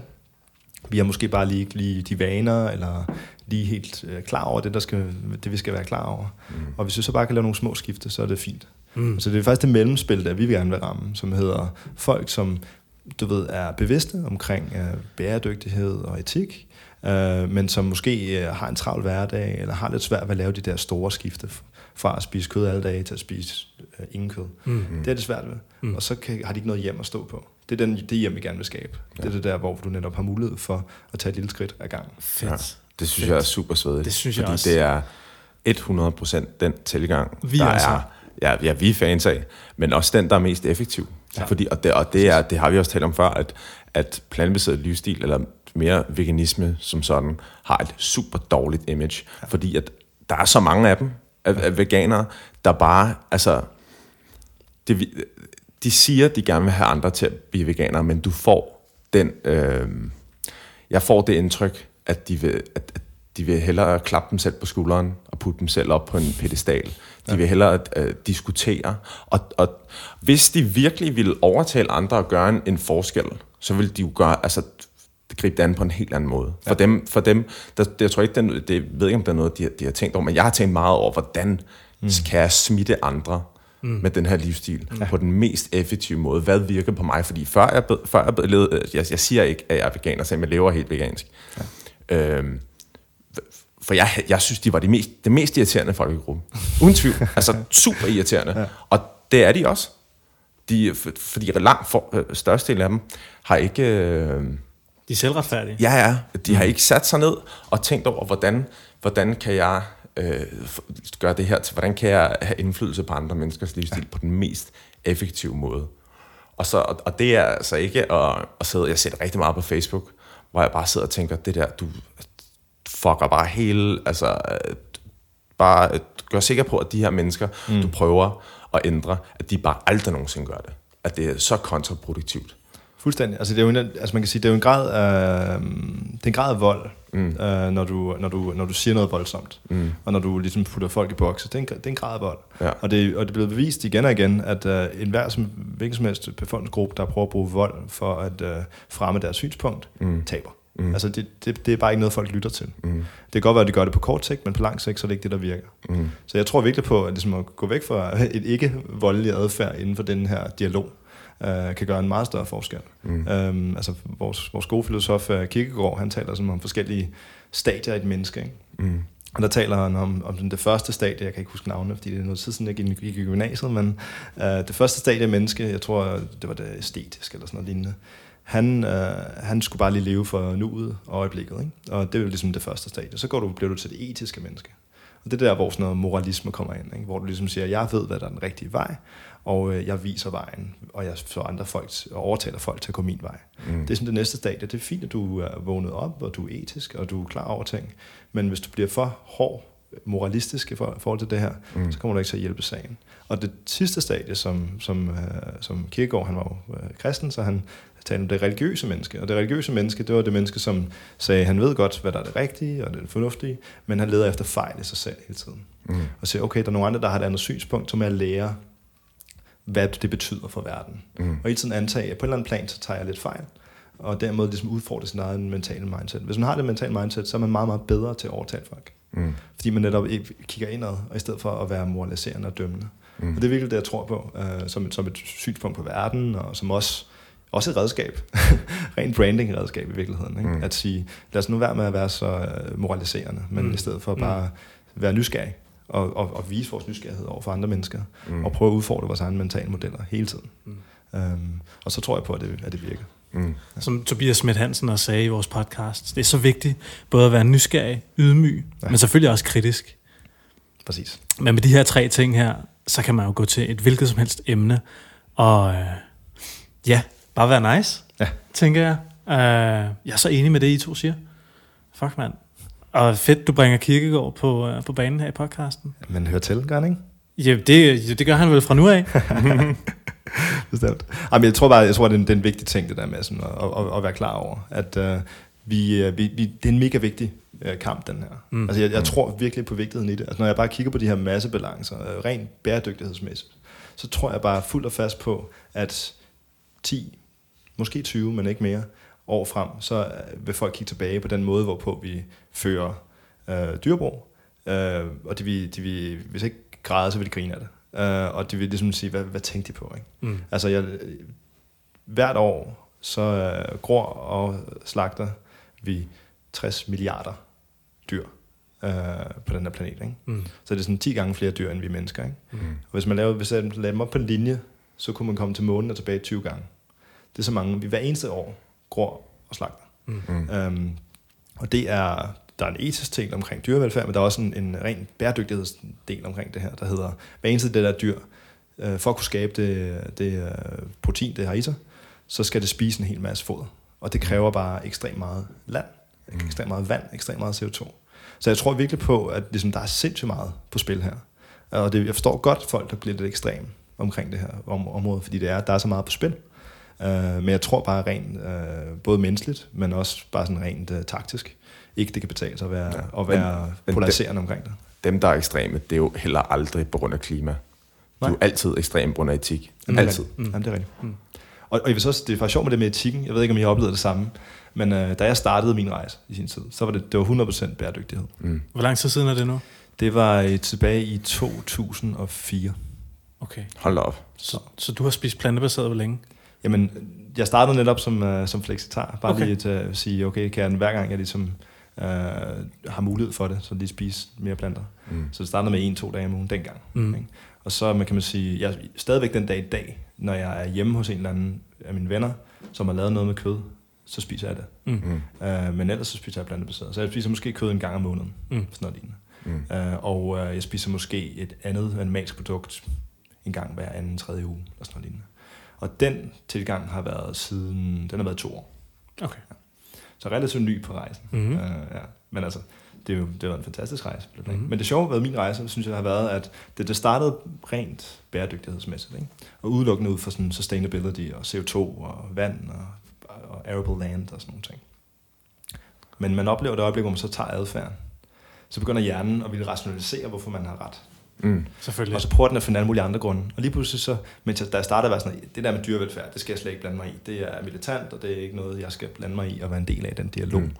Uh, men når man så selv har adfærden, Ja, ja. så, lad, så åbner hjernen op for at tænke de baner. 100 procent. Og det er, ret, det er ret interessant. Jeg har aldrig ville det, men, men det kommer bare sådan langsomt løbende med, ja, det er sgu også mærkeligt, de Ja. der dyr. De Ja. har det godt nok ikke godt. Ja. Og de har, øh, du ved, de har en hjerne, og de sanser, og de er etiske væsener i sig selv, og sådan noget. Det er, det er lidt sært, ikke? Ja. Men det begynder, det kommer sådan snigende som, øh, som en, øh, en, en kat om natten, ikke? det, vir- det synes jeg er virkelig interessant, for jeg har aldrig nogensinde mødt nogen, der, øh, fordi vi har talt om det før, specielt mig i starten af vores tidligere afsnit, at, at Ja. du vil gøre den samme forskel, hvis du, altså et, essentielt bare, at du kun handlede 100% plantebaseret, og så spiste whatever, hvis du var hjemme hos en ven eller et eller andet. Du vil Mm. gøre den samme forskel som 100% plantebaseret, altså klimamæssigt. Ja, klart. Og det er sjovt, jeg har aldrig mødt nogen, der gør det der. Ja. Og det, og det er det, jeg har sådan ligesom efter, efterlyst. Ja. Øh, Jamen, det er helt sikkert et eksempel på. Men det sjove er, at mine, mine venner ved det dårligt nok stadigvæk. De stadigvæk Ja. tror, altså jeg var til et bryllup her, i, her til sommer, hvor jeg, jeg fik flere mails omkring, Nå, men, øh, hvad skulle vi, vi skulle også sørge for ligesom at passe, have en speciel ret til dig, fordi du, Mm. er, du er jo veganer. Mm. Øh, og sådan, så det, den der mulighed for ligesom, det var skønt, så kunne du lave en god ret, og så spiste jeg vegansk, Mm. mm. og det var rigtig sødt af dem. Mm. Men de antog bare, fordi, du ved, øh, de, man bliver hurtigt smidt i en boks, lad mig mm. sige det sådan. Mm. Mm. Så den der kompleksitet omkring, at man er flexitar, mm. øh, og man bare gerne vil reducere sit kødforbrug, mm. det er Mm. for komplekst. Så vil man hellere sige, Nå, så er du over i den boks. Så smider du, der, smider du det derhen. Og så Ja. ja. er du i øvrigt også, øh, du ved, øh, meget moraliserende og alle mulige andre ting, du også er. Ja. Ikke? Så det, vi, vi har virkelig brug for et sprog omkring det her, med ja. øh, at der findes en anden vej, øh, og der findes en eller anden form for, du ved, friendly, friendly vegan, mm. eller hvad det kan, hvad det kan hedde. Mhm. Øh, det, fordi det findes ikke i dag. Man bliver smidt i en anden boks meget nemt. Det er fordi folk gerne vil, de vil gerne have, øh, de, vil- de vil gerne kunne være med i klubber, ja. og de kunne sige, at jeg er det her, jeg er dansker, jeg er med i den her klub. Jeg er, øh, de kan ikke bare være et fucking menneske. De kan ikke bare være øh. En person. De skal have alle de her labels, de kan putte på dem selv. Mm. Men det er jo også sådan, altså du ligesom, uh, Bourdieu, han mener jo, uh, den franske sociolog og filosof, han mener jo, at, at måden hvorpå vi kan se os selv i grupper, det er simpelthen ved at adskille os selv fra andre. Ja. Så, så det er jo måske også en måde, veganere ligesom har set sig selv på. Ikke? Mm. Altså de adskiller sig fra kødspiserne, eller karnisterne, som de kalder dem, hvilket jeg synes er et fuldstændig utilstedeligt begreb. Mm. Uh, altså, det er helt, altså, det er helt fucked. glad Altså, Fordi så, skulle, så, skulle de jo, så kunne de jo også kalde sig ekskarnist. Så kan de jo, altså, Ja, ja, ja. fordi de har jo alle sammen prø- prøvet det før. Ja. Så de, Altså det, det vil jeg også lige give en opfordring til lytterne derude. Stop lige med at bruge det begreb der. Ja. Fordi øh, jeg, det synes jeg, ja, jeg, jeg synes ikke, det er altså rigtigt. Men i hvert fald, altså vi, vi prøver ligesom at opfatte os selv og vores gruppe øh, ved at tage afstand fra andre grupper. Ja. Og den mekanisme tror jeg bare, vi skal være enormt opmærksomme på, når vi begynder at samle os i de klubber, som du snakker om, Niklas. Mm. Fordi det er, så skaber vi afstand mm. mellem folk. Og det er jo ikke det, vi vil. Vi vil jo bygge broer, som du siger, Michael. mm. Var det fedt, du siger det. er- Jeg har ikke tænkt over det på den måde. Tak, fordi du tager på ind med, i samtalen. Ja, ja, men nu, øh, nu kører vi. Nej, ved jeg det. Men det, det er jo fuldstændig rigtigt, at, at det der med, at vi definerer os selv ud fra dem, vi ikke er. Øh, Præcis. og, og, det, og hvor, hvor svært det så er at skabe et fælles øh, ståsted, når vi skal lave en forandring. Mm, Fordi det, er jo- det er det, vi har brug for. Det er en forandring, vi har brug for. Altså, jeg tror på, at om 10 år, der ser vi alle anderledes på det her. Mm. Um, så vi har brug for den forandring øh, og den bevægelse. Mm. det bevægelse er svært at lave, hvis vi netop kun definerer os som anderledes. Og hvis vi har det der statiske begreber, ikke? altså som vakanist, ikke? så er det noget, man er resten af sit liv. Ikke? Mm. Og det er ligesom, så er det ligesom, det, det er din tatovering. Ikke? Mm. Men, men, Brændemærke. Ja, og det er netop det, som, det, det, det, det fleksible, det dynamiske væsen, der gør os til mennesker. Ikke? At vi kan forandre os, vi kan ændre vores identitet, og vi kan mm. ændre alle mulige ting. Mm. Det er så vigtigt at tænke dynamisk over mennesker, i stedet for at statisk. Mm. Uh, og det er der, hvor jeg tror, der er magi at hente. Ikke? Enig. Men det er svært, når vi, når vi fundamentalt set som mennesker ligesom er skabt på en måde, hvor vi identificerer os selv via dem, vi ikke er. Præcis. Ja. Og det, øh, jeg, jeg, vi har også snakket lidt om det tidligere. Altså jeg tror, med hensyn til fremtiden, og med hensyn til, hvordan vi kommer til at anskue øh, kød, kødforbrug og forbrug af animalske produkter, jeg tror måske, det bliver lidt ligesom rygning. Fordi mm. øh, der er jo rimelig stor konsensus nu omkring i den videnskabelige litteratur. Rygning er usundt. Du får lungekræft og cancer ja. at ryge. Øh, men det er stadig lovligt. Altså, det er stadig liberaliseret at ryge. Mm. Øh, folk kigger måske lidt skævt til det en gang imellem, hvis du står på steder, hvor du ikke må ryge og ryger. Mm. Øh, og sådan tror jeg måske også lidt, at, at det med kødforbrug og forbrug af animalske produkter vil udvikle sig i fremtiden. Mm.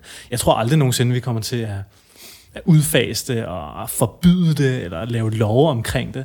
Mm. Men jeg tror måske, det bliver lidt blødere, og måske lave nogle afgifter, og lave nogle, hvad kan man sige, nogle anbefalinger omkring, mm. hvordan øh, vi kan mindske vores udledning af drivhusgasser og, og vandforbrug ved mm. bare at, at spise flere planter ja. så det mindre sådan animalsk. Lidt, så det bliver sådan lidt ligesom, hvad det der andet lever hedder, gåselever. Foie gras. Foie gras. Ja. At, det sådan, at kød generelt bliver lidt ligesom foie gras. Det tror jeg, ja. ja. Det tror jeg. Jeg kan godt lide, altså jeg, jeg, det jeg ikke kan lide, det du siger, det er det her omkring uh, regulering og skat og sådan noget. Mm. Det kan godt være, det sker, og det vil mm. også være skønt. Mm. Men jeg vil simpelthen jeg vil ikke engang tale om det, fordi uh, det er ligesom at sige, okay, så overlader vi til nogle andre, der sørger for det her. Ja, ja. Hvorimod, jeg, jeg tror ja. på, uh, at det, det kommer til at være sådan mere en social bevægelse. Helt sikkert. Der ligesom siger, når ja, du ved, hvis du ryger, så smager, smager dårligt for kæresten, når du kysser hende. Ikke? Ja, ja, ja. altså, og, og, der er sådan nogle ting, der, ligesom, der, der bliver mere omkring et værdisæt, ja, ja. og mere skræbt af nogle sociale bevægelser. Klar. Men de havde det jo også op at vende i etisk råd, hvor de netop prøvede at, at diskutere, jamen kan vi indføre det her, mm. og på hvilke præmisser kan vi indføre det på? Og, øh, men, men det blev jo så også droppet. Ja. Så øh, jeg synes helt sikkert også, at vi skal mægtiggøre os selv som en folkebevægelse, i stedet for bare at overlade al magten og mm. alle beslutningerne til, til de høje her inde på borgen og i ministerierne og i styrelserne, hvor fanden de ellers sidder og beslutter Præcis. tingene hen. Præcis, og det er der, hvor vi, vi planter og tror på, at det, der så kan tage den rolle, det er smag. Mm. Det er simpelthen at sige, ved hvad, ja, ja, vi har fået nogle vaner med at spise en masse kød og sådan noget, men i virkeligheden så kød er ret kedelig. Altså, mm. i bund og grund, så øh, jeg kan godt lide at sige, at planten er meget mere interessant, fordi den, den er fanget i jorden. Mm. Så den kan ikke bevæge sig mod det, den godt kan lide. Den kan ikke bevæge sig væk fra det, den er bange for. Så i stedet for har den, det er blevet sådan en, en kemisk fabrik af de her aromaer. Ikke? Hvis du bare kigger på aromadiversiteten i sådan en plante, så er den jo 1000x i forhold til, hvor meget der findes i kød. Kød er ikke andet end gang øh, du ved, sådan noget forbindende protein, der forbinder nogle smage, og så er det umami. Det er mm. det. Mm. Det er sådan en ret, ret simpel ting i virkeligheden. Vi har fået nogle vaner, vaner er svære at ændre. Jeg ser dels mad, fordi i sin tid på savannen, der kunne man ligesom kun overleve, hvis man så, så for at holde sig til vaner og ikke spise noget giftigt. Ikke? Men, men det er bare vaner. Det er ikke fordi kød det smager unikt. Det er bare noget umami, og så nogle smagsforbindere. Øh, men hvis, det kunne man lige så godt skabe i planter, hvis man finder ud af at bruge det ordentligt i det køkken. Mm. Så det er der, hvor vi tror på, ligesom at okay, hvis vi nu bare virkelig bliver dygtige med planter, ikke? så kan vi gøre noget, der er meget mere interessant, og så får folk ikke lyst til at spise kød. Fordi mm. mm. det smager ikke mere interessant det gør dig tung i maven, og det gør, dig, det gør ligesom, så skal du lige bruge en halv time på ligesom at op dig igen bagefter. Ikke? Øh, og så er der alle de her kraftagtige effekter på længere sigt oveni. Ikke? Mm. Mm. Så, så i bund og grund, så er det bare sådan, for mig personligt, det smager bedre. Mm. Og derfor så er det mere interessant. Det er derfor, René Redzepi, han går plantebaseret med, med den nye version af Noma. Det er derfor, ligesom, er Geranium har, har succes med det, i tre af sæsonerne. Okay, um, vildt nok. Det er derfor, Geranium, de stort set kun har plantebaseret. Ikke? Mm. Altså, de, nogle af de bedste kokke i verden, de begynder at gå plantebaseret. Og det gør det ikke fordi etik, det gør det på grund af smag. Det gør det, fordi det simpelthen er mere interessant for en kok at lave noget med planter. Mm. Fordi de har de her aromaer, der er så meget mere interessante. Ja. Og det, det er på det, som vi sådan, okay, kan vi demokratisere det, som man siger? Kan vi bringe det ud til folk? At planter er fantastiske, og du kan også lave noget fantastisk i dit køkken. Mm. Så tror jeg, at forandringen kommer sig selv. Uden regulering, uden skatter, uden en prisincitament. Det er allerede billigere at spise planter alligevel. Ja, ja. Um, så det handler egentlig bare om at sige, okay, du kan faktisk lave noget mere spændende. Det, altså, det, det skal, vi kommer til at være den dag, hvor folk siger, ej, hvor kedeligt, du har lavet noget med kød. Mm. det var da trist, jeg vil da have nogle aromaer. Altså, Ja. ikke? altså det, det, det, tror jeg virkelig på, at den verden kommer derfra. Og så er det simpelthen det, det, det tunge, det næsen, der kommer til at drive forandring. Ja. Fedt. Det er også planterne, der får kødet til at smage noget. Fuldstændig. Der er jo aldrig nogensinde nogen, der spiser kød uden salt eller krydderier. Nej. Så det, det har jo ikke nogen, altså... Det smager, bare lidt, smager lidt ligesom sved lugter, hvis du bare spiser det uden noget. Det, Der, der, er et, øh, der er ret, sådan, et ret vildt selskab over i. Altså i USA, der er det jo, især deltid på vestkysten i USA, der er det blevet ret bevidste omkring det her med, at vi skal spise noget mindre kød. Og der er nogle, nogle nye, ret store øh, virksomheder, startups, som er begyndt at lave noget her. Der er et selskab, der hedder Impossible Foods, der er ret sjovt. Øh, de er blevet sponsoreret af Bill Gates, som har investeret i dem, så de har rigeligt af penge. Og, øh, og det er en professor fra Stanford, som har fundet ud af, at han har studeret kød. Han er selv veganer. Han har studeret kød og fundet ud af, hvad er det, der gør kød så unikt, smagsmæssigt. Så har han fundet ud af, at det er det her ene protein, som hedder hemeprotein, som er en del af hemoglobinet, det vil sige en del af blodet.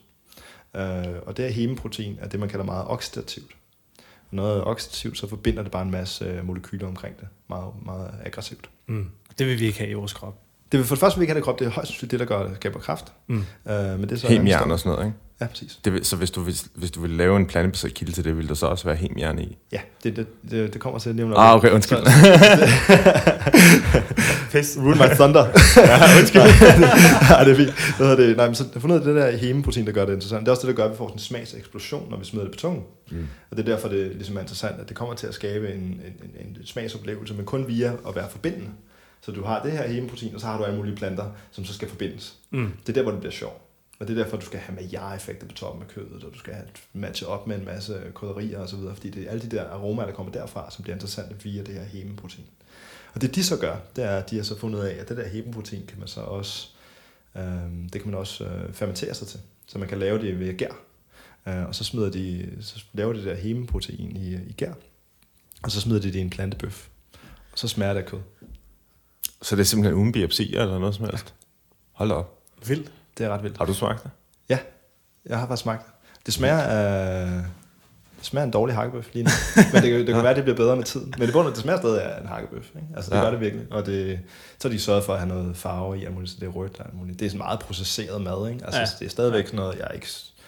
Som sagt, der er også teorier om, det er præcis det der hemeprotein, der skaber kraft. Ja. Altså, Men ud fra et klimaperspektiv, så er det jo fantastisk. Præcis. Ja. Det, og det er præcis det, der er præmissen. Det er som at sige, hvis vi kan få folk til at spise det her frem for oksekød, så har vi reduceret du ved, klimaeffekten med 90 procent. Ja. Sådan der. Det er jo fantastisk. Ja. Så der, der er gode kræfter, der går i den rigtige retning her. Mm, Men det er, også, det er også spændende at studere dem, fordi så lærer man, hvad det faktisk kød kan, og hvad det kød ikke kan. Mm. Øh, Det der hemeprotein har jeg fundet det kan man også finde i øh, rødderne på, på soja, faktisk. Øh, I virkeligheden. Så man kunne også øh, finde rødderne på soja, og la- lade det være et additiv, man bruger ligesom salt. Hold da kæft, mand. Så det, det, det er måske min, ny, ny, min næste startup en dag. Men Ja. ja. Det er jo ret interessant sådan noget. Ja. Fordi jeg synes, jeg synes når, når de der køderstatningsprodukter, når de smager lidt for meget kød, så bliver jeg kvalm med det. Og det er derfor, jeg synes, det er så interessant, ja, ja. at du siger, at, at, at, at, at du har de regler, at du, at du kører det bare overhovedet ikke. Og Det er det, vi har efterlyst. Ja. Men jeg kan bare slet ikke forestille mig selv at gøre det. Nej. Øh, for jeg tror, jeg vil, jeg vil få, af det også. Vi var på vegetarisk festival for et par uger siden, og så fik vi, hvad var det, gardinen Fiskefilet. fiskefilet. Og jeg synes, det var virkelig ulækkert. Det smagte fuldstændig som fiskefilet. Ja. Fuldstændig. Og jeg, jeg blev sådan, Ja, jeg det på virkelig, dig. ja, jeg det var klamt. Jeg det var virkelig klamt. Vi har det Også- på video. og øh, også det der ulf, der er sådan noget, som ja. skal være... Øh, sådan Noget sojagranulat her. Ja, ja. Altså, Nej, det er sådan noget, det er sådan noget, er det ikke sådan noget pulled pork? Det er sådan noget myko, sådan svampeprotein. Det der Ja. ja. umf. ja, det er meget, meget det tæt det er- på det sådan... Det, er, det der er soja. Uh, Okay. Det sojagranulat, der er blevet ekstruderet med varme og, og tryk. Ja, Okay. men sojagranulatet der, det, det smager jo ikke... Altså, det er der jo mange, der bruger som erstatning for hakket oksekød. Ja. Og det synes, det synes jeg egentlig ikke, man bliver så kvalm af, fordi der er, fakt, der er intet fedt i, så du, du er opmærksom på, at det her, det er ikke hakket oksekød. Mm. Øhm, men det, det synes jeg ikke, man bliver så, så kvalm af. Men der, der er er mange af dem, hvor de bare sådan kommer virkelig tæt på, og det er, det er super fedt. Helt vildt imponerende. Ja. Men jeg får kvalm af det. Altså, jeg bliver sådan lidt... Altså, det er et mærkeligt projekt, hvad om det der projekt med at skulle kopiere kød. Altså, Ja. jeg, jeg forstår godt logikken og sådan noget, ikke? og Mm. det kan også godt være, at det kommer til, det kommer sikkert også til at være en del af løsningen, og, mm. og, og det må man også bare respektere, at der er mange veje til Rom, ikke? Ja. Men, men min, min grundpræmis er at sige, hvis du prøver at kopiere noget, så vil du altid være et kopiprodukt. Klart. Og det er synd, når planter er så fantastiske, og der er så meget, de kan i det der køkken, så er det synd at bare re- reducere det til et kopiprodukt. Mm. I stedet for at bare lave en rigtig lækker falafel, altså. og lave noget rigtig lækkert, der er godt for sig selv, og ikke skal kopiere og ligne noget andet. Det vil altid være et kopiprodukt. Altså, der Men er altså- også... Når, når det så er sagt, så synes jeg, altså naturligt plantemælk og alt sådan noget, det er jo fantastisk. Ja. Det er jo fantastisk. Selvom det er et kopiprodukt. Ja. Men jeg, altså, jeg, jeg bruger rigtig, rigtig mange penge på dem.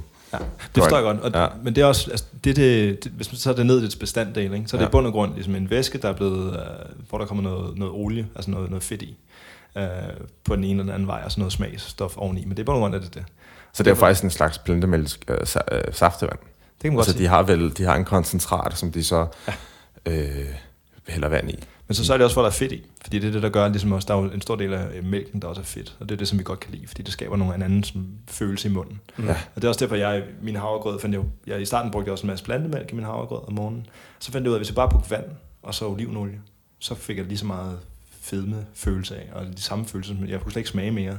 Ja. Og jeg, har, jeg har altså fået havregrød, siden jeg var fem år gammel, og min mor har altid sagt til mig, at jeg kunne, jeg kunne sige det om morgenen, hvis hun ikke havde smuttet pillet mælk i, men puttet vand i, bare sådan en lille smule vand i, så kunne jeg smage det med det samme, og brokkede mig, ikke? Fordi det var sådan sådan en jernsmag og sådan noget. Ja. Men, men, men det øjeblik, hvor jeg så puttede olivenolie i min havregrød med vand, det samme. Ja. Og det er for mig det eneste, som, som, som, som mælk kan. Og dermed også plantemælk kan. Ja. Det er ligesom at få en anden form for olie med i det her. Så du får sådan Helt klart. Jeg plejer at gøre det. Jeg, jeg bruger dog, jeg bruger dog stort set aldrig olie, men det er, men altså tit sådan nødesmør. Ja. Og sådan noget, fordi det er den samme effekt. Men så får du så også alle... Fordi i min optik, der er olie, der, det indeholder ikke andet end kalorier i min optik. Men hvis du så øh, får den samme mængde nødesmør, som har den samme mængde kalorier, så får du alle de her andre fede ting også med. Mm. Ja. Ja. Specielt hvis du kan lave din egen ud af, jeg går lidt af ud af hørfrø. Mm. Men altså, jeg sige, en sådan extra virgin olivenolie øh, er der altså masser af gode ting i, som øh, det er det, der får, øh, for, du ved, det, med folk nede i, øh, Italien øh, til at leve længere, simpelthen.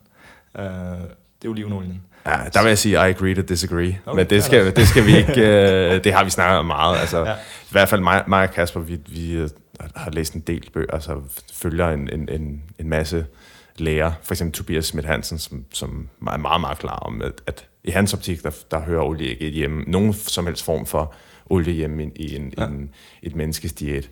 Men altså, det, os lige- altså hvis, tænker- du, hvis du kan spise olie og holde en form, så skal du bare, altså, så skal man, Ja, så skal man altså, fordi Ja, det er jo, altså, det er der også mange, der, der, der kører plantebaseret, og så siger de, at jeg tabte mig for meget, og det er jo fordi deres, deres, øh, deres appetitregulering er, er, er, har, har vel har reguleret sig mm. til en meget energitæt kost, som mange af os spiser, og, og sådan, at de kunne bare spise en, en, en, en, en lille portion af en meget energitæt tæt fødevare, og så er de mætte.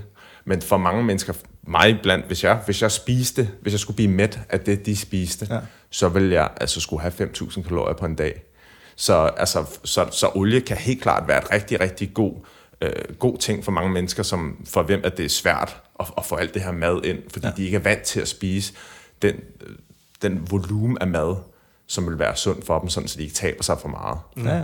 Så altså, vi er jo alle sammen forskellige, 100%. Fuldstændig. Ja. Jeg skal selvfølgelig jeg skal, jeg skal tage min egen medicin og, og, og acceptere, hvis der er andre synspunkter, og Ja, ja, ja, det kan udvide min horisont. Uh, mit sy- personlige synspunkt indtil nu har bare været, at olie kan gøre ekstremt meget ved sm- smagsoplevelsen. Ja, ja, ingen tvivl. Jeg tænker, vi Ingen lige kan lægge den der oliediskussion en gang. jeg, jeg kunne nemlig godt tænke mig at komme tilbage til det der, vi snakkede, det var nemlig sindssygt interessant, det der, vi snakkede om kopiprodukter.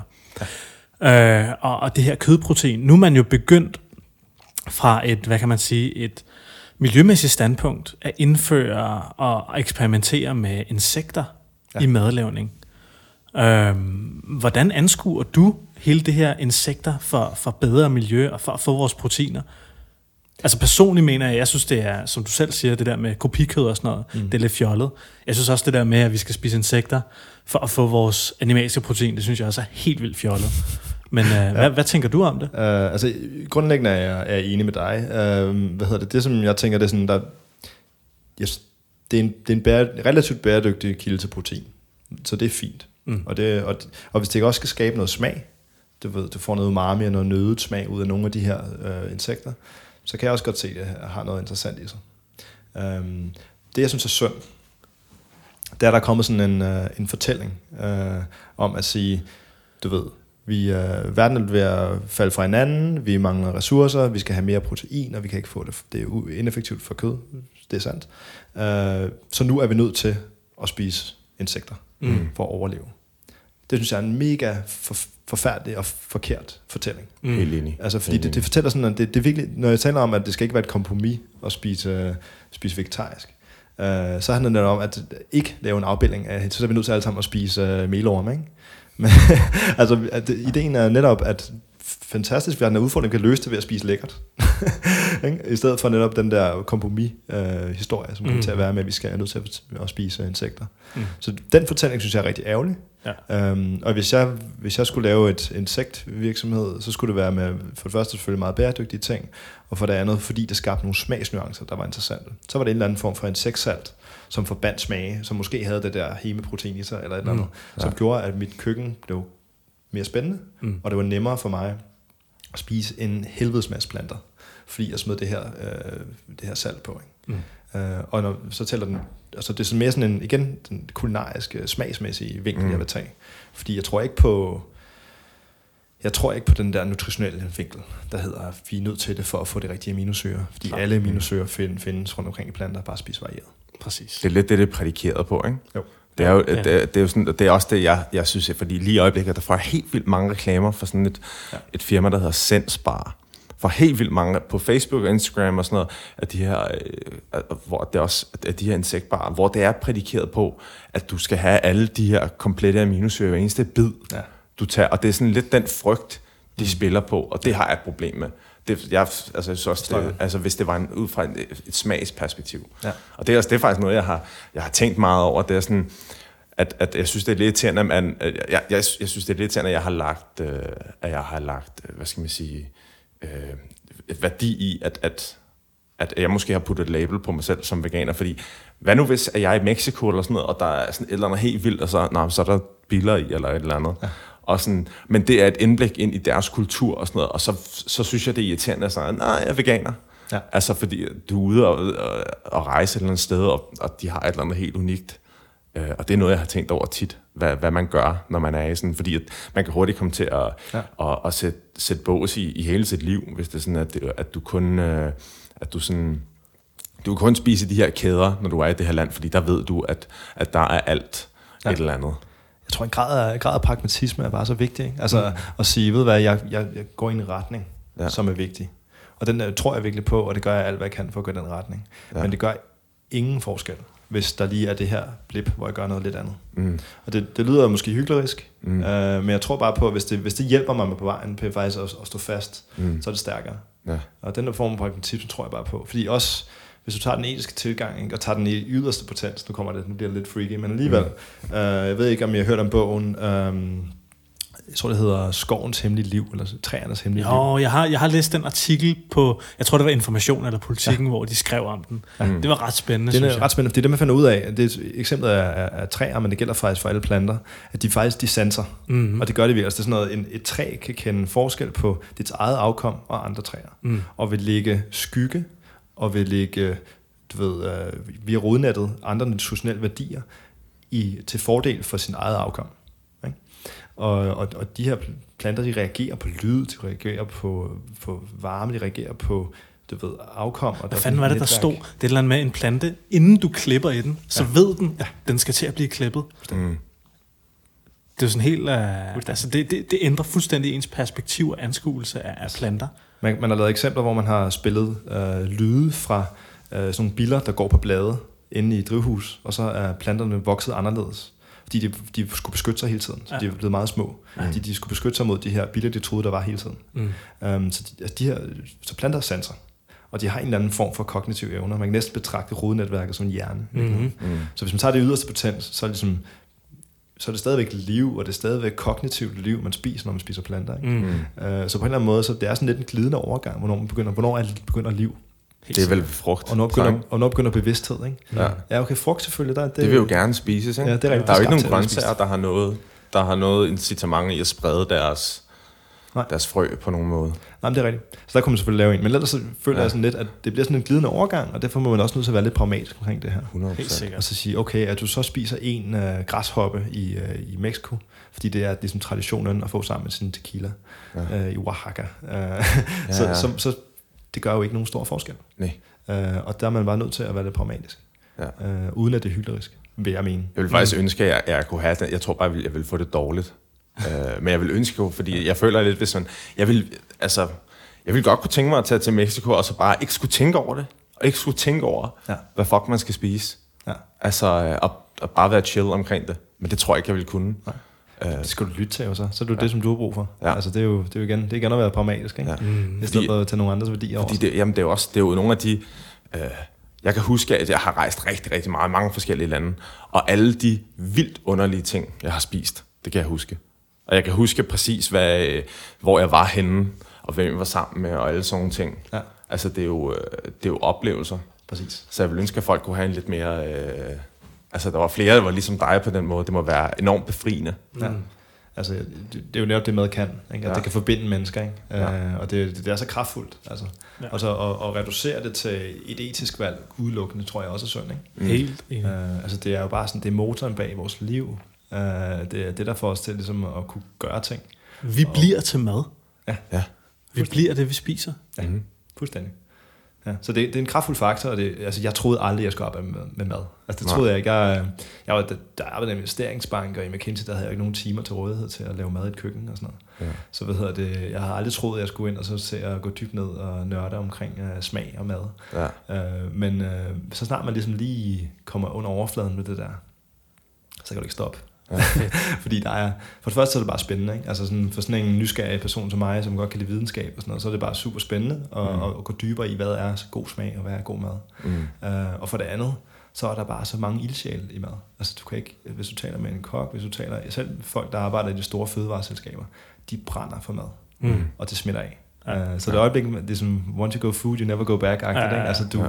det, er, det er bare et spændende område, Mm. fordi det er så grundlæggende menneske, menneskeligt, det her. Ikke? Ja. Så jeg er super glad for, at mad har fundet mig. Michael, vi skal til at runde dagens program af. Ja. Ja. Så stille. Tiden går stærkt, når man snakker i plantetinget. Det må man sige. Mm. Har du noget, du sådan, øh, gerne vil tilføje og lige fortælle vores lyttere om dit projekt og dig, inden øh, vi lukker helt ned? Øhm, jamen jeg tror, det, det, det første, jeg vil fortælle, det er, at øh, hvis I går ind og kigger på øh, www.plantjammer.com, øh, så øh, vil I se vores, øh, det jeg vil kalde vores prototype, det vil sige der, hvor I kan gå ind og bygge de her, I kan bygge pizzaer, I kan bygge pastaer, wok og salater.